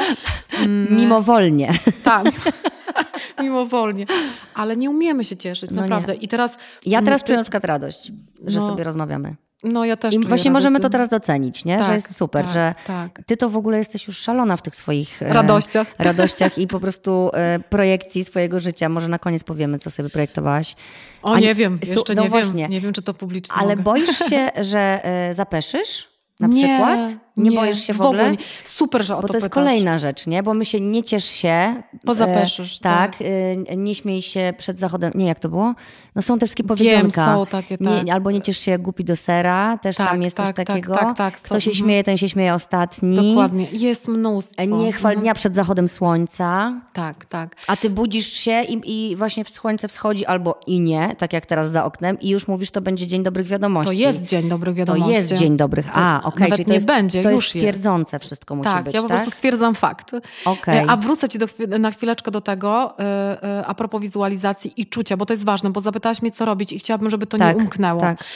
Ja sobie wyobrażałam moją panią doktor, która wstaje, ja wchodzę do niej do gabinetu ze swoimi wynikami badań, a ona wstaje z zabiórka i mówi, pani Sylwia, jest pani zdrowa. Ale wyobrażałam sobie, to mam na myśli to, że znowu masz poczuć, co się tam wydarzy. Ja wiedziałam w tej wizualizacji, jakimi ona pachnie perfumami, ja to czułam. Ja Że się przytulicie? że się przytulimy, że jest uchylone okno, że jest ciepło, że ona jest totalnie zaskoczona. Wstawałam rano i za każdym razem, kiedy sobie to przypominałam, to widziałam tą historię, że po prostu wchodzę. A pamiętaj, że mózg nie wie, co jest fikcją, a co jest rzeczywistością. Jezu, powiedz jeszcze Jest, raz. ta, mózg nie wie, co jest fik- fikcją, a co jest rzeczywistością, bo i tak wszystko kreujesz przez myśli.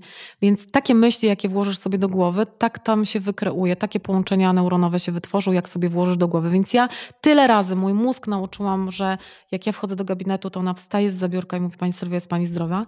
Że oczywiście nie musisz nawet zgadywać, jak to się wydarzyło. Wydarzyło się dokładnie tak, jak było w tej wizualizacji. Ona wstała i jeszcze dodała, jest pani, chciałam pani bardzo podziękować, ponieważ jest pani moją pierwszą pacjentką, która ma taki piękny wynik z takimi parametrami wyjściowymi. Więc dostałam jeszcze bonusa w tej swojej wizualizacji.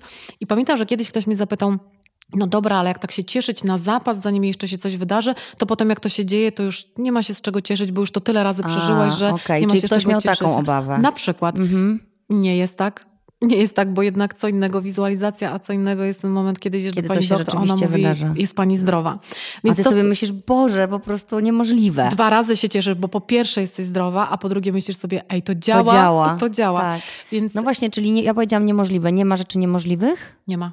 Ale ty tak to mówisz, Sylwia Pogorzelska, nie masz czy niemożliwych, Nie. Sylwia Pogorzelska polecam? Tak, Sylwia Pogorzelska polecam. Uważam, że nie ma rzeczy niemożliwych. I teraz zobacz, bo też em, na przykład jest mi zarzucane czasami to, że, bo ja używam takiego słowa e, uzdrowienie, uzdrowienie z raka również.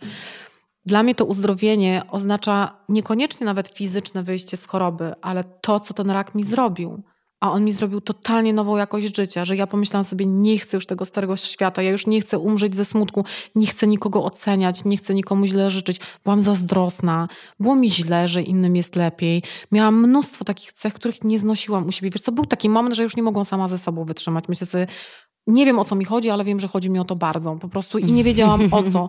I czujesz taką bezdenną tęsknotę, żeby to życie wyglądało inaczej, a jednocześnie nie umiesz tego znaleźć. No właśnie, no jesteś w takim momencie i wiesz, no teraz jakbyśmy mogli powiedzieć do osób, które są w tym momencie i nas słuchają, no i no, nie, nie chcę im mówić, żeby czekały na diagnozę. Bo to Nie, będzie, nie, bo nie trzeba. Nie trzeba. Co można zrobić, żeby po prostu wziąć to życie w swoje ręce? Wybrać. Po prostu To jest wybrać. decyzja. To jest decyzja. Oczywiście, że tak. I ja Ale dzisiaj. ile jest strachu za tą decyzją, nie? No oczywiście, tylko że mm, widzisz, nawet miałyśmy tą swoją naszą rozmowę. Ten No. strach jest tak irracjonalny, bo umówmy się, że jeżeli stoisz pomiędzy torami i utknęła ci noga w tym torowisku i widzisz, że nadjeżdża pociąg i po prostu oblewa cię zimny pot i po prostu masz palpitację serca i adrenalina milion i wiesz, że za chwilę zginiesz, to ten strach jest okej. Ale jeśli ty dokładnie tę samą emocję przeżywasz w związku z tym, że masz być jakieś... może że kiedyś być będziesz szła po torach i utknie ci noga Na przykład. i żyjesz całe życie z tym lękiem. Dokładnie tak. No to to jest irracjonalne i właśnie No myślę, że... dałam ten przykład, bo on jest irracjonalny, ale mnóstwo ludzi właśnie tego się boi, nie? Tego, co się... Tak. Jak to jest, że 90 ile procent statystycznie rzeczy, Ja których myślę, się boimy, się nie wydarza? Ja myślę, że 8, nawet gdyby 98, naprawdę tak uważam, bo Wow. gdybyś pomyślała ile ja sobie... się nabałam. No, no właśnie, A na- na marne. Się. Na marne. I w ogóle piach w krew. Nie, ile krew ja w piach. się nabałam na marne. Może tak będzie ten odcinek, jaki Cudny miał tytuł. To jest, to jest w ogóle super. To tak jak mi się Nie bój się bardzo- na marne. Nie bój się, no no.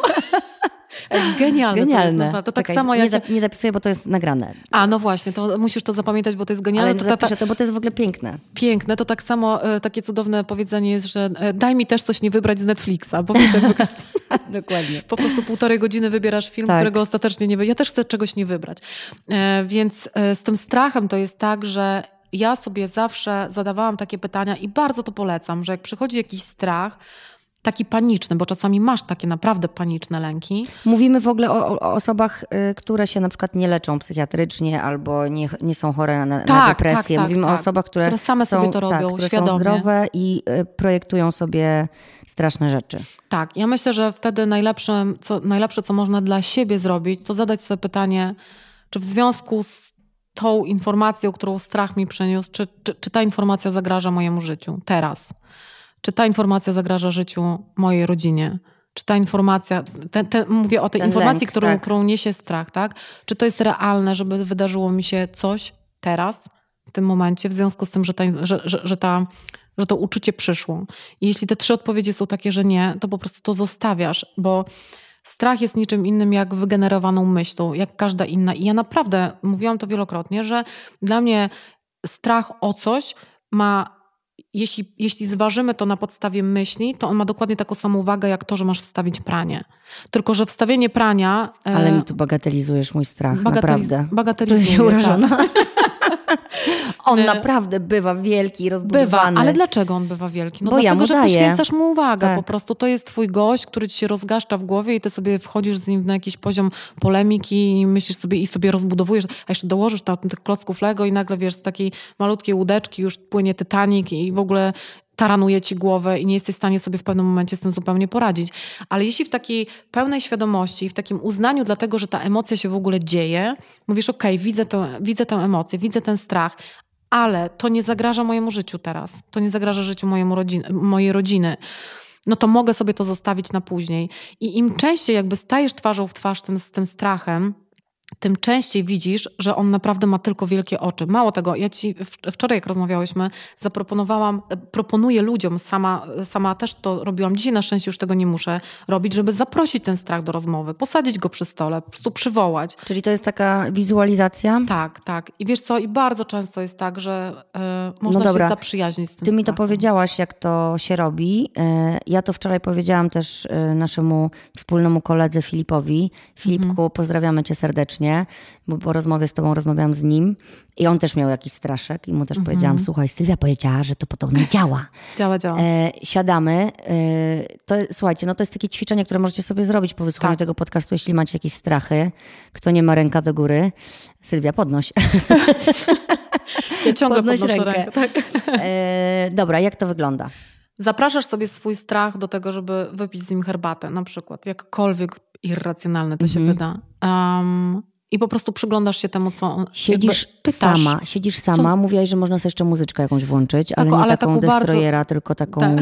przyjemną. tak, taką bardzo przyjemną, bo czasami ludziom jest łatwiej wejść w stan taki półmedytacyjny, jeśli mają jakąś taką bardzo delikatną muzykę w tle, natomiast jeśli ktoś jest na tyle uważny, że umie to robić w ciszy, a ja, ja jestem akurat zwolenniczką um, wizji w ciszy, bo wtedy jakby nie płyniesz na muzyce, tylko mhm. płyniesz faktycznie na swoich odczuciach i po prostu zapraszasz ten strach do siebie, żeby siadł naprzeciwko ciebie i jakby mm, próbujesz z nim porozmawiać, jaką on informację ci przynosi, o czym on ci przynosi tę informację. Czy strach o to, że na przykład, nie wiem, nie zdasz egzaminu, bo nie wiem, możesz mieć taki strach, tak, że nie zdasz egzaminu, no to zadajesz mu pytania, czy jestem przygotowana do tego egzaminu, tak, czy, e, czy czuję się pewnie, bo ten strach, on on nie jest o czymś ten strach, on jest tylko i wyłącznie o tym, kim ty się w tym wszystkim czujesz.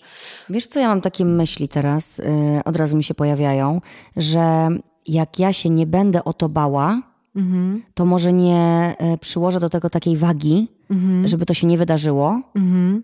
Wiesz, tak. że nie będę tak pompować to, Boże, na przykład nie wiem, że moja córka nie zda egzaminu, nie? Teraz, -hmm. jako matka sobie myślę.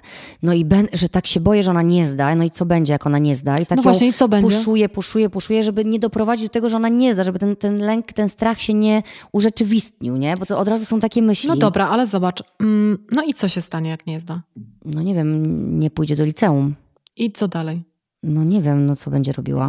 No wiesz co, bo zadaję ci te pytania tylko po to, żeby ci pokazać, jakie to jest w ogóle bez sensu, no nie? No bo co się stanie? No nie wiem, miliony ludzi nie zdają egzaminów, ale to nie oznacza, że kończą życie będzie i kończą... I be... Właśnie, bo mega ciekawe jest to, żeby dojść do tej ostatniej emocji. Tak. O co tak naprawdę Dobra, chodzi? będzie wstyd. Będzie wstyd. Ale czyj wstyd? Twój? Mój i może tylko mój, może nie jej, mhm. nie wiem. A jak myślisz, na przykład jeśli ona by nie zdała, patrz jak zamieniłyśmy się rolami, ciach, ciach, ciach. No. A jakby ona nie zdała tego egzaminu i byłby wstyd, to na przykład ile ten wstyd był, byłby, albo inaczej, którzy ludzie by zauważyli twój wstyd albo jej wstyd? Myślę, że niewiele osób by go założyło, bo bym robiła wszystko, żeby udawać, że jestem z tym okej. Okay. No właśnie. Co, Wkładałabym jakby... w to mnóstwo pracy. No właśnie, ale zobacz, jakie to, zobacz, jaki zbudowałyśmy scenariusz. Ale ile tam jest niepotrzebnych w ogóle emocji, nie? Wszystko jest w stanie nad, Takich nadbudować. Trudnych, trudnych no. które nie musiałyby się w ogóle wydarzyć. Tak, a tak naprawdę wystarczy po prostu sobie siąść z tym strachem, dopytać go o co chodzi i jak na koniec sobie dojdziesz sama, zobaczysz jaki obrazek zbudowałaś, co twoja głowa zbudowała na podstawie jednego, potencjalnego, umówmy się, że potencjalnego, niezdanego egzaminu. Zobacz, tak. wstyd, y, grałabym tak, żeby nikt tego nie zauważył, y, dla niej wstyd i tak dalej. Super, że, że to się tak wywiązało, bo to pokazuje, co mózg jest w stanie nam wyprodukować, żeby upewnić nas w tym, że warto jest się bać. Mhm. A my jesteśmy nauczeni tego, żeby się bać. Wracając I że warto też... nie ryzykować, nie? Tak. I wracając też do tego, y, o czym mówiłaś wcześniej, czy ja nie zapeszam. No nie zapeszam, no bo w ogóle ciekawa jestem, kto to wymyślił z tym zapeszaniem. Że dlaczego, dlaczego jesteśmy obwarowani takimi programami yy, i takimi yy, stwierdzeniami, które trzymają nas w takich okowach, że nie jesteś w stanie pójść dalej, bo jesteś zabudowana tak. tam, tutaj nie i tak dalej. I zobacz, ja myślę, że gdybyśmy zaczęli czuć tę swoją moc, że ja kocham to powiedzenie, wiesz, że o tym już mówiłam, że nawet w Biblii jest powiedziane, że Pan Bóg powiedział, że stworzył każdego na, na, na, swoje podobieństwo i że w każdym z nas jest cząstka Boga. To ja jestem tak bezczelna w swoich domniemaniach, że uznałam, że skoro jest we mnie cząstka Boga, czyli ja muszę być takim malutkim bożkiem, A jak jestem Bożenką. Małym, bo, taką bożenką i to oznacza, że ja chyba mogę również kreować tak jak Pan Bóg. Mogę sobie wykreować takie życie, jakie chcę. No tak, no I- bo w sumie to jest na taką mini skalę. No Na bo mini skalę, na planecie życie. tak. Tak, Na- jednej, jednej bożenki. Istotki, tak. tak, dokładnie tak. I myślę sobie, że gdyby dzisiaj ktoś mi powiedział, że ja będę w tym miejscu, w którym jestem, czyli przede wszystkim w miejscu, w którym jestem szczęśliwa i spełniona, i nie interesuje mnie, co ktoś na mój temat mówi. Nie interesuje mnie to. Zobacz, rozmawiałyśmy też wczoraj a propos Tak. hejtu.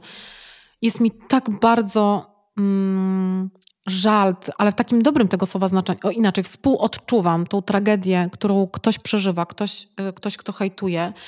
Ym, No bo jeżeli jesteś w stanie ocenić kogoś na podstawie tego, co on pokazuje w internecie, ale nigdy w życiu nie spotkałeś tej osoby, nie znasz jej emocji, nie znasz jego, jej całej historii, to wiadomym jest to, że komentarz, który dajesz, jest o tobie. Ja zawsze mówię, że komentarz mówię o komentującym, a nie o komentowanym. Um, jedyne, co jesteś w stanie zrobić, to po prostu wyżygać swoją frustrację na tą inną osobę, bo, bo, bo myślę, że u hejterów jest tak, że to, co ich najbardziej boli, to to, że nie odkryli jeszcze tego, że są w stanie dokładnie zrobić to, co robi ta inna osoba. Nie, nie potrafią wygenerować w sobie tej mocy, więc jedyne, co mogą zrobić, to spróbować podciąć skrzydła tej osobie, że się odważyła sięgnąć po swoje.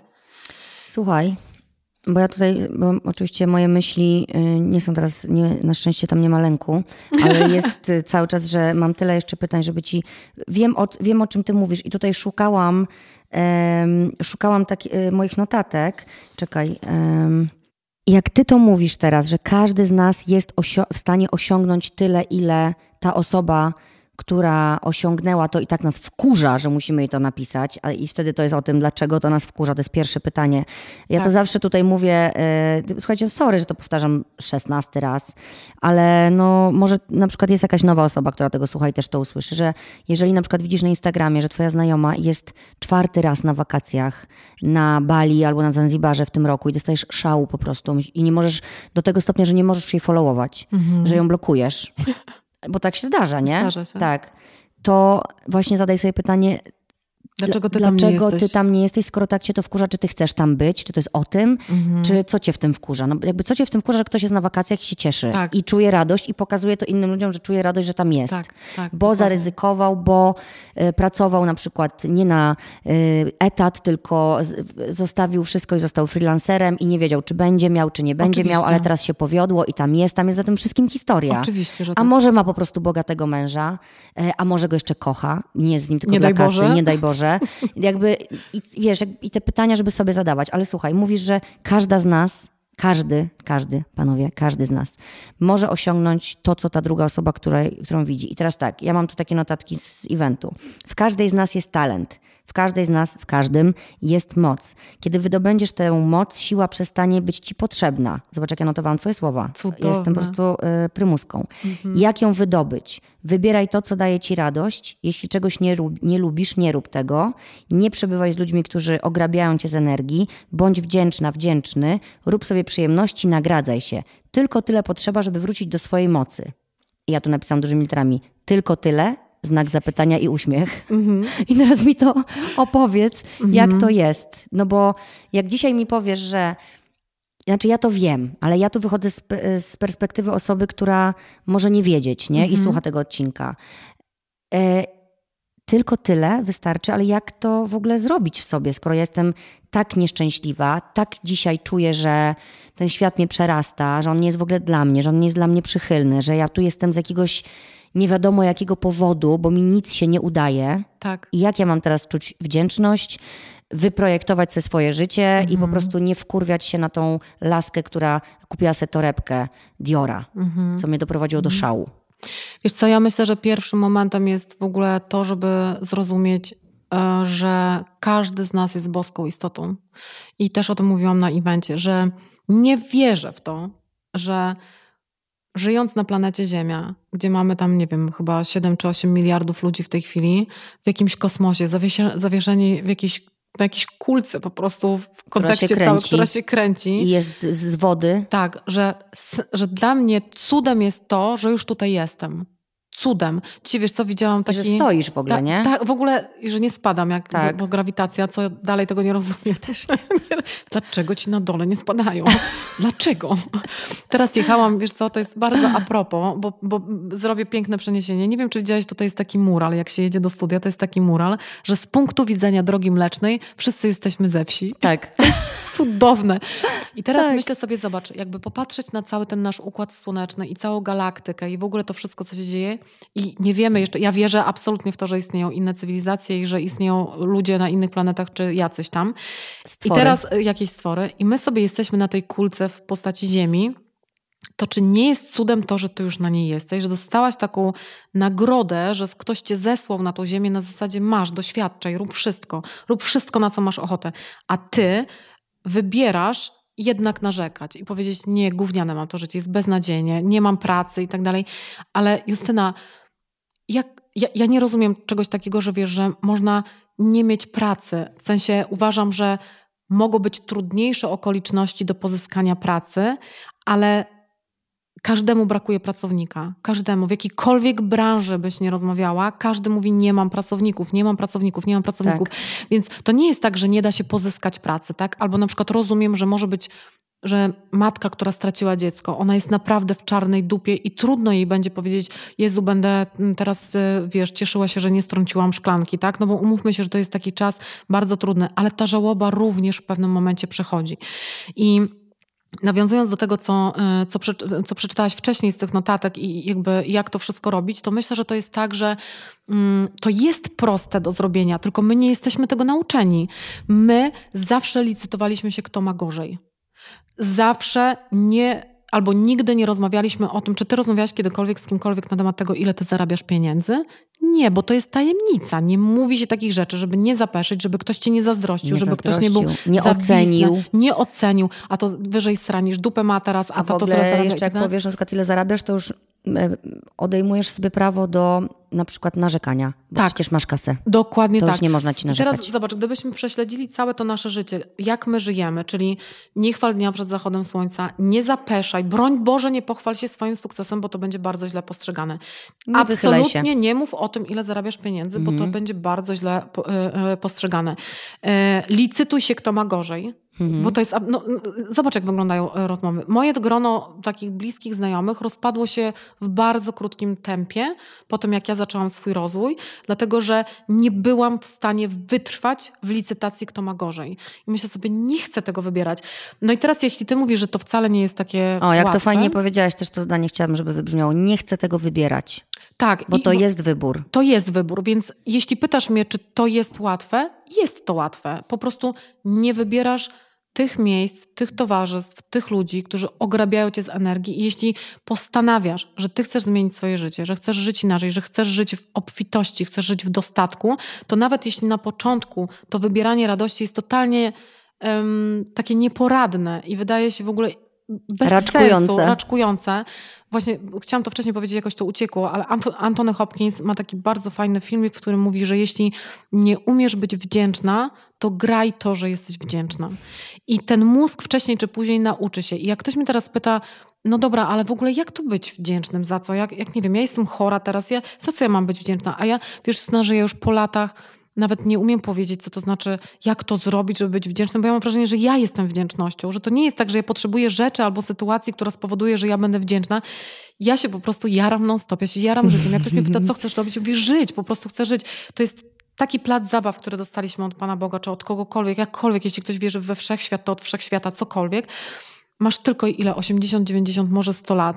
I ty wybierasz, że będziesz jęczeć. No po prostu, no, no jak można z takiego cudu zrobić takie błoto? Wybierasz, wybierasz, a potem nagle dostajesz coraz więcej, coraz więcej. I to nie są żadne mrzonki. Dokładnie tak się dzieje. Jeśli masz już w sobie tę wibrację, która powoduje, że zaczynasz być po prostu szczęśliwym człowiekiem. Ja mam takie osoby, które wyszły z depresji i one też bez leków.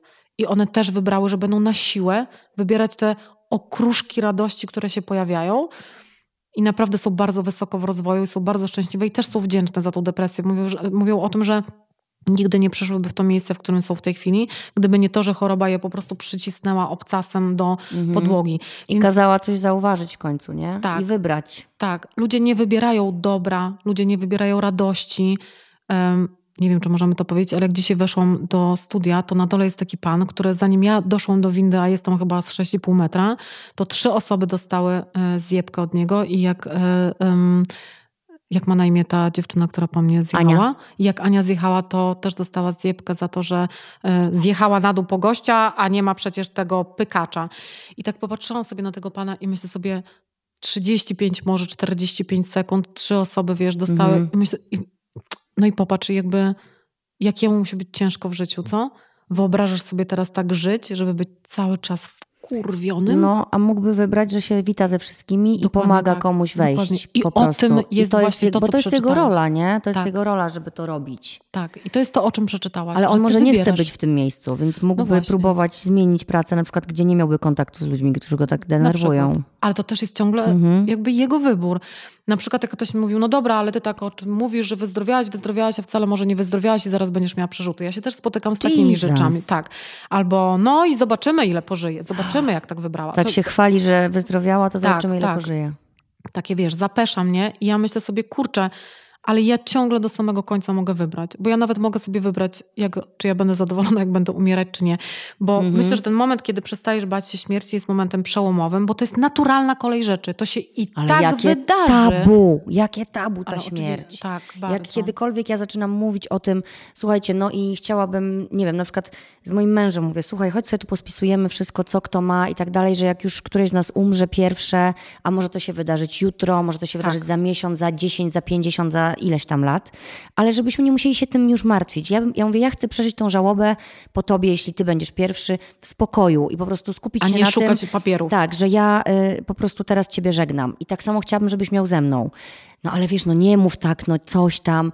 Wiesz, No. że i jak mówię Jest jakiejś osobie, no nie wiem, bo jak ja umrę, to nie, no ale w ogóle nie mów tak, bo jeszcze umrzesz. No, bo w ogóle tak. przywołasz to. Tak, no ale tak. widzisz, no to jest znowuż o tym kreowaniu. Czy mówienie o śmierci przywołuje śmierć? Absolutnie tak nie To uważam. nie jest o tym, uważam, że ja mówię, Boże, ja zaraz umrę, zaraz umrę. To nie jest to. Nie, oczywiście, że to nie jest. Ja uważam, że do śmierci powinno się podchodzić tak jak w kulturach wschodnich, czyli tam na przykład jest też tak, że się tańczy na pogrzebach albo idzie się ubranym na biało po to, żeby e, e, pożegnać e, tę osobę. I śmierć jest tak naturalną koleją rzeczy, tak naturalną, że banie się tej śmierci to właśnie powoduje bardziej, chyba myślałabym, sprawa przyciągania, że ten strach przed śmiercią może spowodować więcej smutku z, związanego z tym niż rozmowa o śmierci. I dlatego powiedziałam, że dla mnie przełomowym momentem było, było pozbycie się strachu przed śmiercią. Uznałam, że to się i tak wydarzy, czy z powodu raka, czy nie z powodu raka. Tak. I teraz zamykam tylko klamrą to, co chciałam powiedzieć, że nawet do samego końca, nawet gdybym miała nie wyzdrowieć i miałabym umrzeć, to pomyślałabym sobie, ok, ale zrobiłam wszystko to, na, na co nie miałam odwagi wcześniej, bo ja naprawdę Mhm. zrobiłam wszystko, na co nie miałam odwagi wcześniej. Myślałam sobie, dobra, skoro mam umrzeć, to ja teraz robię wszystko i w ogóle w No dupie widzisz, to mam. i, żeby właśnie, żeby takie sytuacje nie, dopro, że nie, żeby nie trzeba było czekać na takie sytuacje, żeby to zrozumieć i wdrożyć w życie, nie? Tak, ja w książce napisałam, że życie daje nam takie pstryczki pojedyncze i w ogóle, wiesz, otrzepujesz się, idziesz dalej. Tak. A potem ja na przykład dostałam już prawy sierpowy na zasadzie nie. Zmiotło cię. Już tak, zmiotło mnie i pomyślałam sobie, będę żyła na 100%. Więc nie mogę powiedzieć, że em, nie jest, e, że, że jest trudno wybierać radość, bo ją jest wybierać łatwo, tylko że pozbyć się programu, który ci pozwala mówić o, o tym głośno. Nie wiem, czy obserwujesz na Instagramie e, Elizę Wydrych-Strzelecką. Ona e, ma e-booki kulinarne tak, i wiem tak dalej. kto to. Mhm. Ona mówi wprost o pieniądzach. Tak. Ona pokazuje swoje wy- sprzedaże, wiesz, jak wyglądają. Ona mówi, dzisiaj spodziewam się że dużego wzrostu, ponieważ jest to i tak dalej. I ona jest tak prawdziwa w tym przekazie, Mhm. Że ja nie wiem, czy ona w ogóle dostaje jakieś hejtujące komentarze dotyczące tego, ej weź, ale dlaczego? I ona zarabia potężne pieniądze i ona o nich mówi. Ale Więc- wiesz, co ja zauważyłam? Że jak ja na przykład wrzucam y, dużo o radości, o miłości, o tym, że jest mi dobrze w mojej relacji, w moim małżeństwie, że jestem szczęśliwa, to zawsze mi jakaś wyjdzie jedna osoba, dwie, trzy, które napiszą mi coś niemiłego. Mhm. A I dlaczego? to jest, no wiem dokładnie. No, kiedyś to y, pomyślałam sobie, Boże, ja tutaj taka szczęśliwa, ktoś chce mi popsuć. Teraz sobie myślę, kurczę, ale jej Nic nie wybiło. Mhm. Ale wybiło. Nie? Tak. Że po prostu tylko o, że to jest tylko o tym. W ogóle Tak. nie o mnie, nie o nie w ogóle Nigdy. nigdy. no. Nigdy o tobie. Ale to jest, słuchaj, to jest tak jak, no, jak, jest, jak już tak o powiedzonkach sobie mówimy, to uderz w stół, a nożyce się odezwą. To to jest to dobre Tak. powiedzonko, po prostu jak ktoś ci coś niemiłego mówi, no to masz od razu, nie? Od razu wiesz, kto ci dobrze życzy. Tak? I od razu dokładnie. co się u niego dzieje. Zapisałam sobie takie coś jeszcze tutaj, o co chciałam ci, o, o co chciałam cię zapytać. Dlaczego według ciebie użalanie się nad sobą jest złe i nam szkodzi?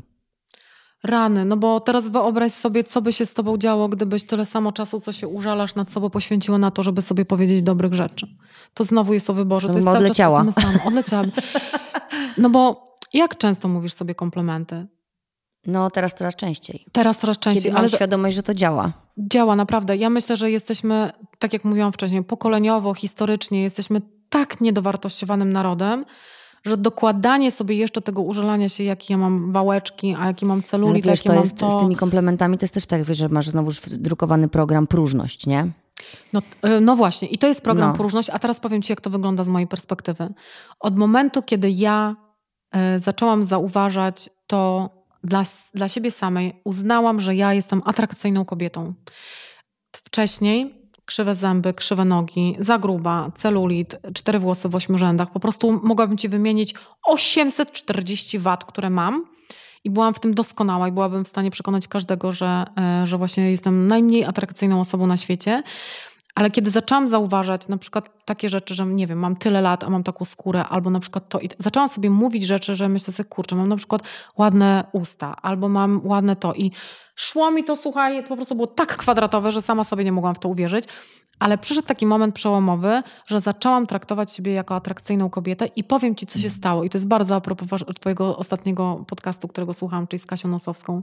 Nagle wszystkie kobiety zaczęły być dla mnie piękne.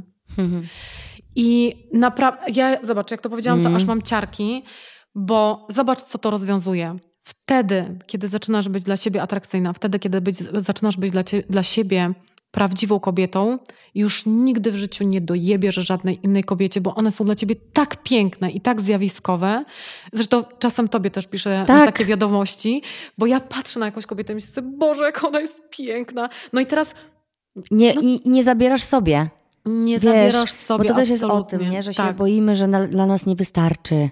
Dokładnie tak. I jak na przykład zaczynasz postrzegać każdą kobietę przez swój własny pryzmat, czyli tego już wiesz, że ty jesteś piękną, wartościową kobietą i wszystkie inne są piękne, wartościowe, to popatrz, ile sobie zabierasz, zabierasz tam po drodze. Czyli nie martwisz się już o to, że ktoś ci odbije męża, nie martwisz się już o to, że ktoś ci zrobi krzywdę, że ktoś będzie lepiej od ciebie wyglądał, bo ty jesteś tak pewna swojej wartości, czujesz się dla siebie tak dobra, że nikt ci tego nie zabierze.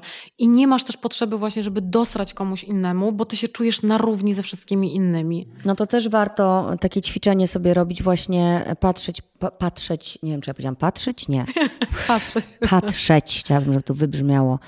E, Patrzeć w lustro i mówić sobie miłe rzeczy, nie? Słuchaj, no to jakieś takie ćwiczenia właśnie, e, ja na przykład to stosowałam też jak byłam w terapii i w ogóle jak kiedyś, e, jak poszłam na pierwszą taką terapię i mi powiedziała pani, że mam wypisać dobre rzeczy na swój temat, po jednej stronie kartki, a po drugiej te przekonania, te, te trudne, te gorsze, no to, te, to najpierw te gorsze. No No oczywiście. bo łatwiej, nie? I tam oczywiście. trrr, lista. No i potem te, te osoby, że dobrze. Kurde, jak mi było ciężko przeskoczyć to, że jak ja o sobie mówię dobrze, to nie jest chwalenie się, to nie jest próżność, tak. to nie jest zarozumialstwo, Tak. to nie jest niegrzeczne.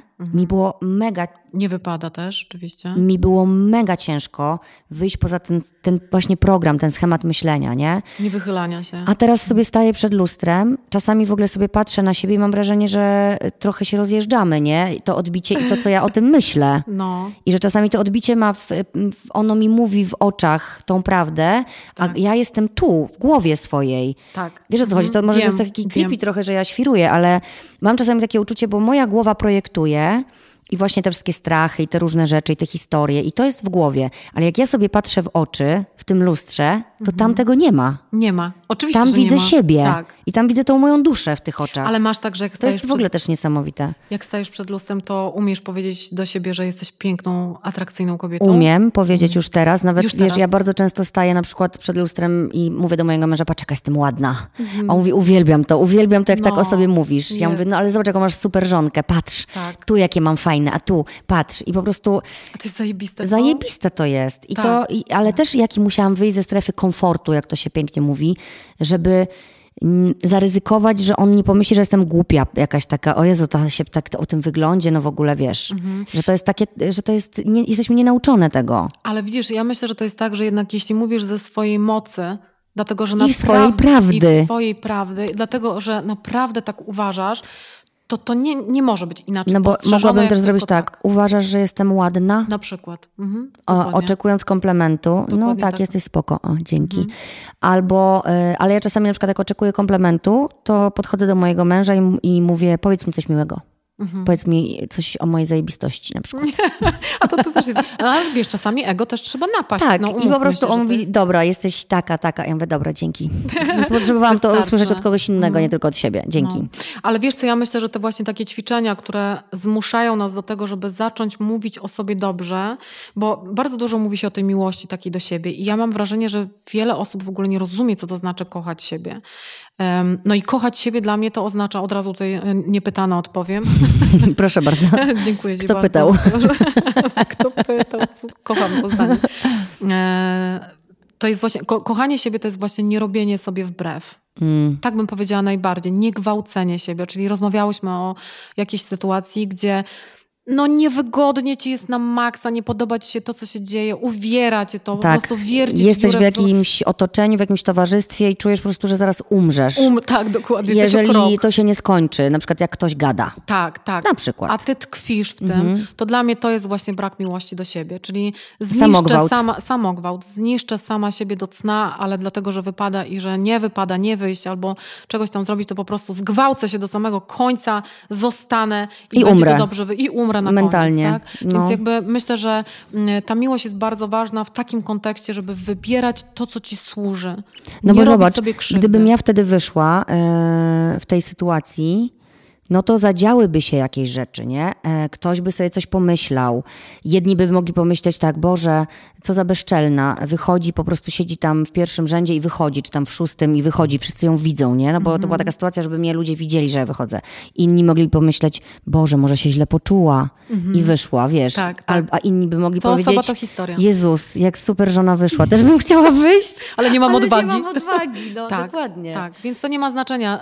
I Mało tego, pewnie ci, którzy by myśleli, za bezczelna, że wyszła, to są ci, którzy też by wyszli, ale nie mają odwagi wyjść. Nawet nie? pomyśleć o tym, żeby wyszli, no bo mają tak wprogramowane, że trzeba siedzieć do końca, Tak, że nawet tak, nie mogliby tak. pomyśleć o tym, że czują, że kurde, parzy ich dupa, że nie dadzą rady, ale mają tak wdrukowane, że trzeba siedzieć do końca, Tak. że nawet nie mogą sobie dać tego prawa pomyśleć, ale bym wyszła, gdybym No, miała odwagę. Tylko sobie myślą, tak. bezczelna wyszła. Dobra, Sylwia, czyli podsumuj proszę. Yy, możemy naprawdę myślami yy, kreować, myślami, zachowaniem, ale myśl, mówimy, że to się, to się w ogóle wszystko zaczyna od tych myśli, nie? żeby tam posprzątać.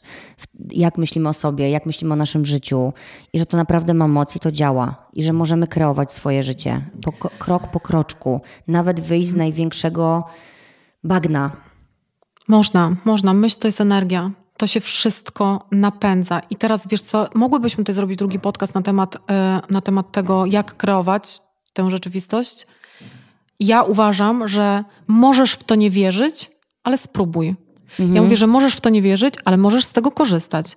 Więc nawet jeśli wydaje Nic ci ci się... nie to- szkodzi spróbować. Nic ci nie szkodzi, bo to nic nie kosztuje. Wybierać nowe rzeczy. Nie te, które robiłeś do tej, do tej pory, które robiłaś do tej pory.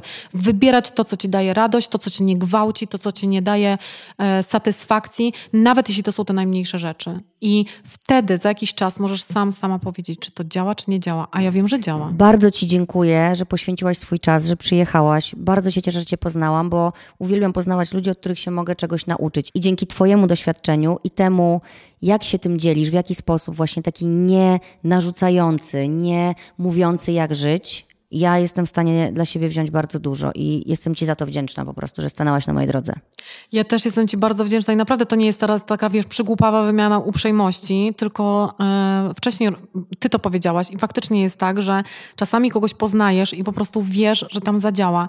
I ja e, nigdy w życiu nie widziałam Cię wcześniej na oczy, tylko słuchałam Twoich podcastów i wiedziałam, że tam pyknie, po prostu wiedziałam, a jak zobaczyłam Cię na evencie, myślałam sobie, cały wszechświat mi sprzyja po prostu i absolutnie się nie zawiodłam zawiodłam. Uważam, że masz przepiękną energię, jesteś przepiękną kobietą i dla mnie bycie w tym podcaście jest spełnieniem moich marzeń, a jednocześnie mam też takie poczucie, że jeszcze dużo rzeczy z tego może być dobrych, bo ja tak wybieram i chciałabym, żebyś ty też tak, Tak, wybierała. dobra, deal. Dajemy sobie właśnie rękę. Tak jest. Umowa. Dziękuję Ci bardzo, kochana. Dziękuję. Ja również. Do usłyszenia, kochani. Dziękuję, że słuchacie. Dziewczyny i chłopaki. Pa.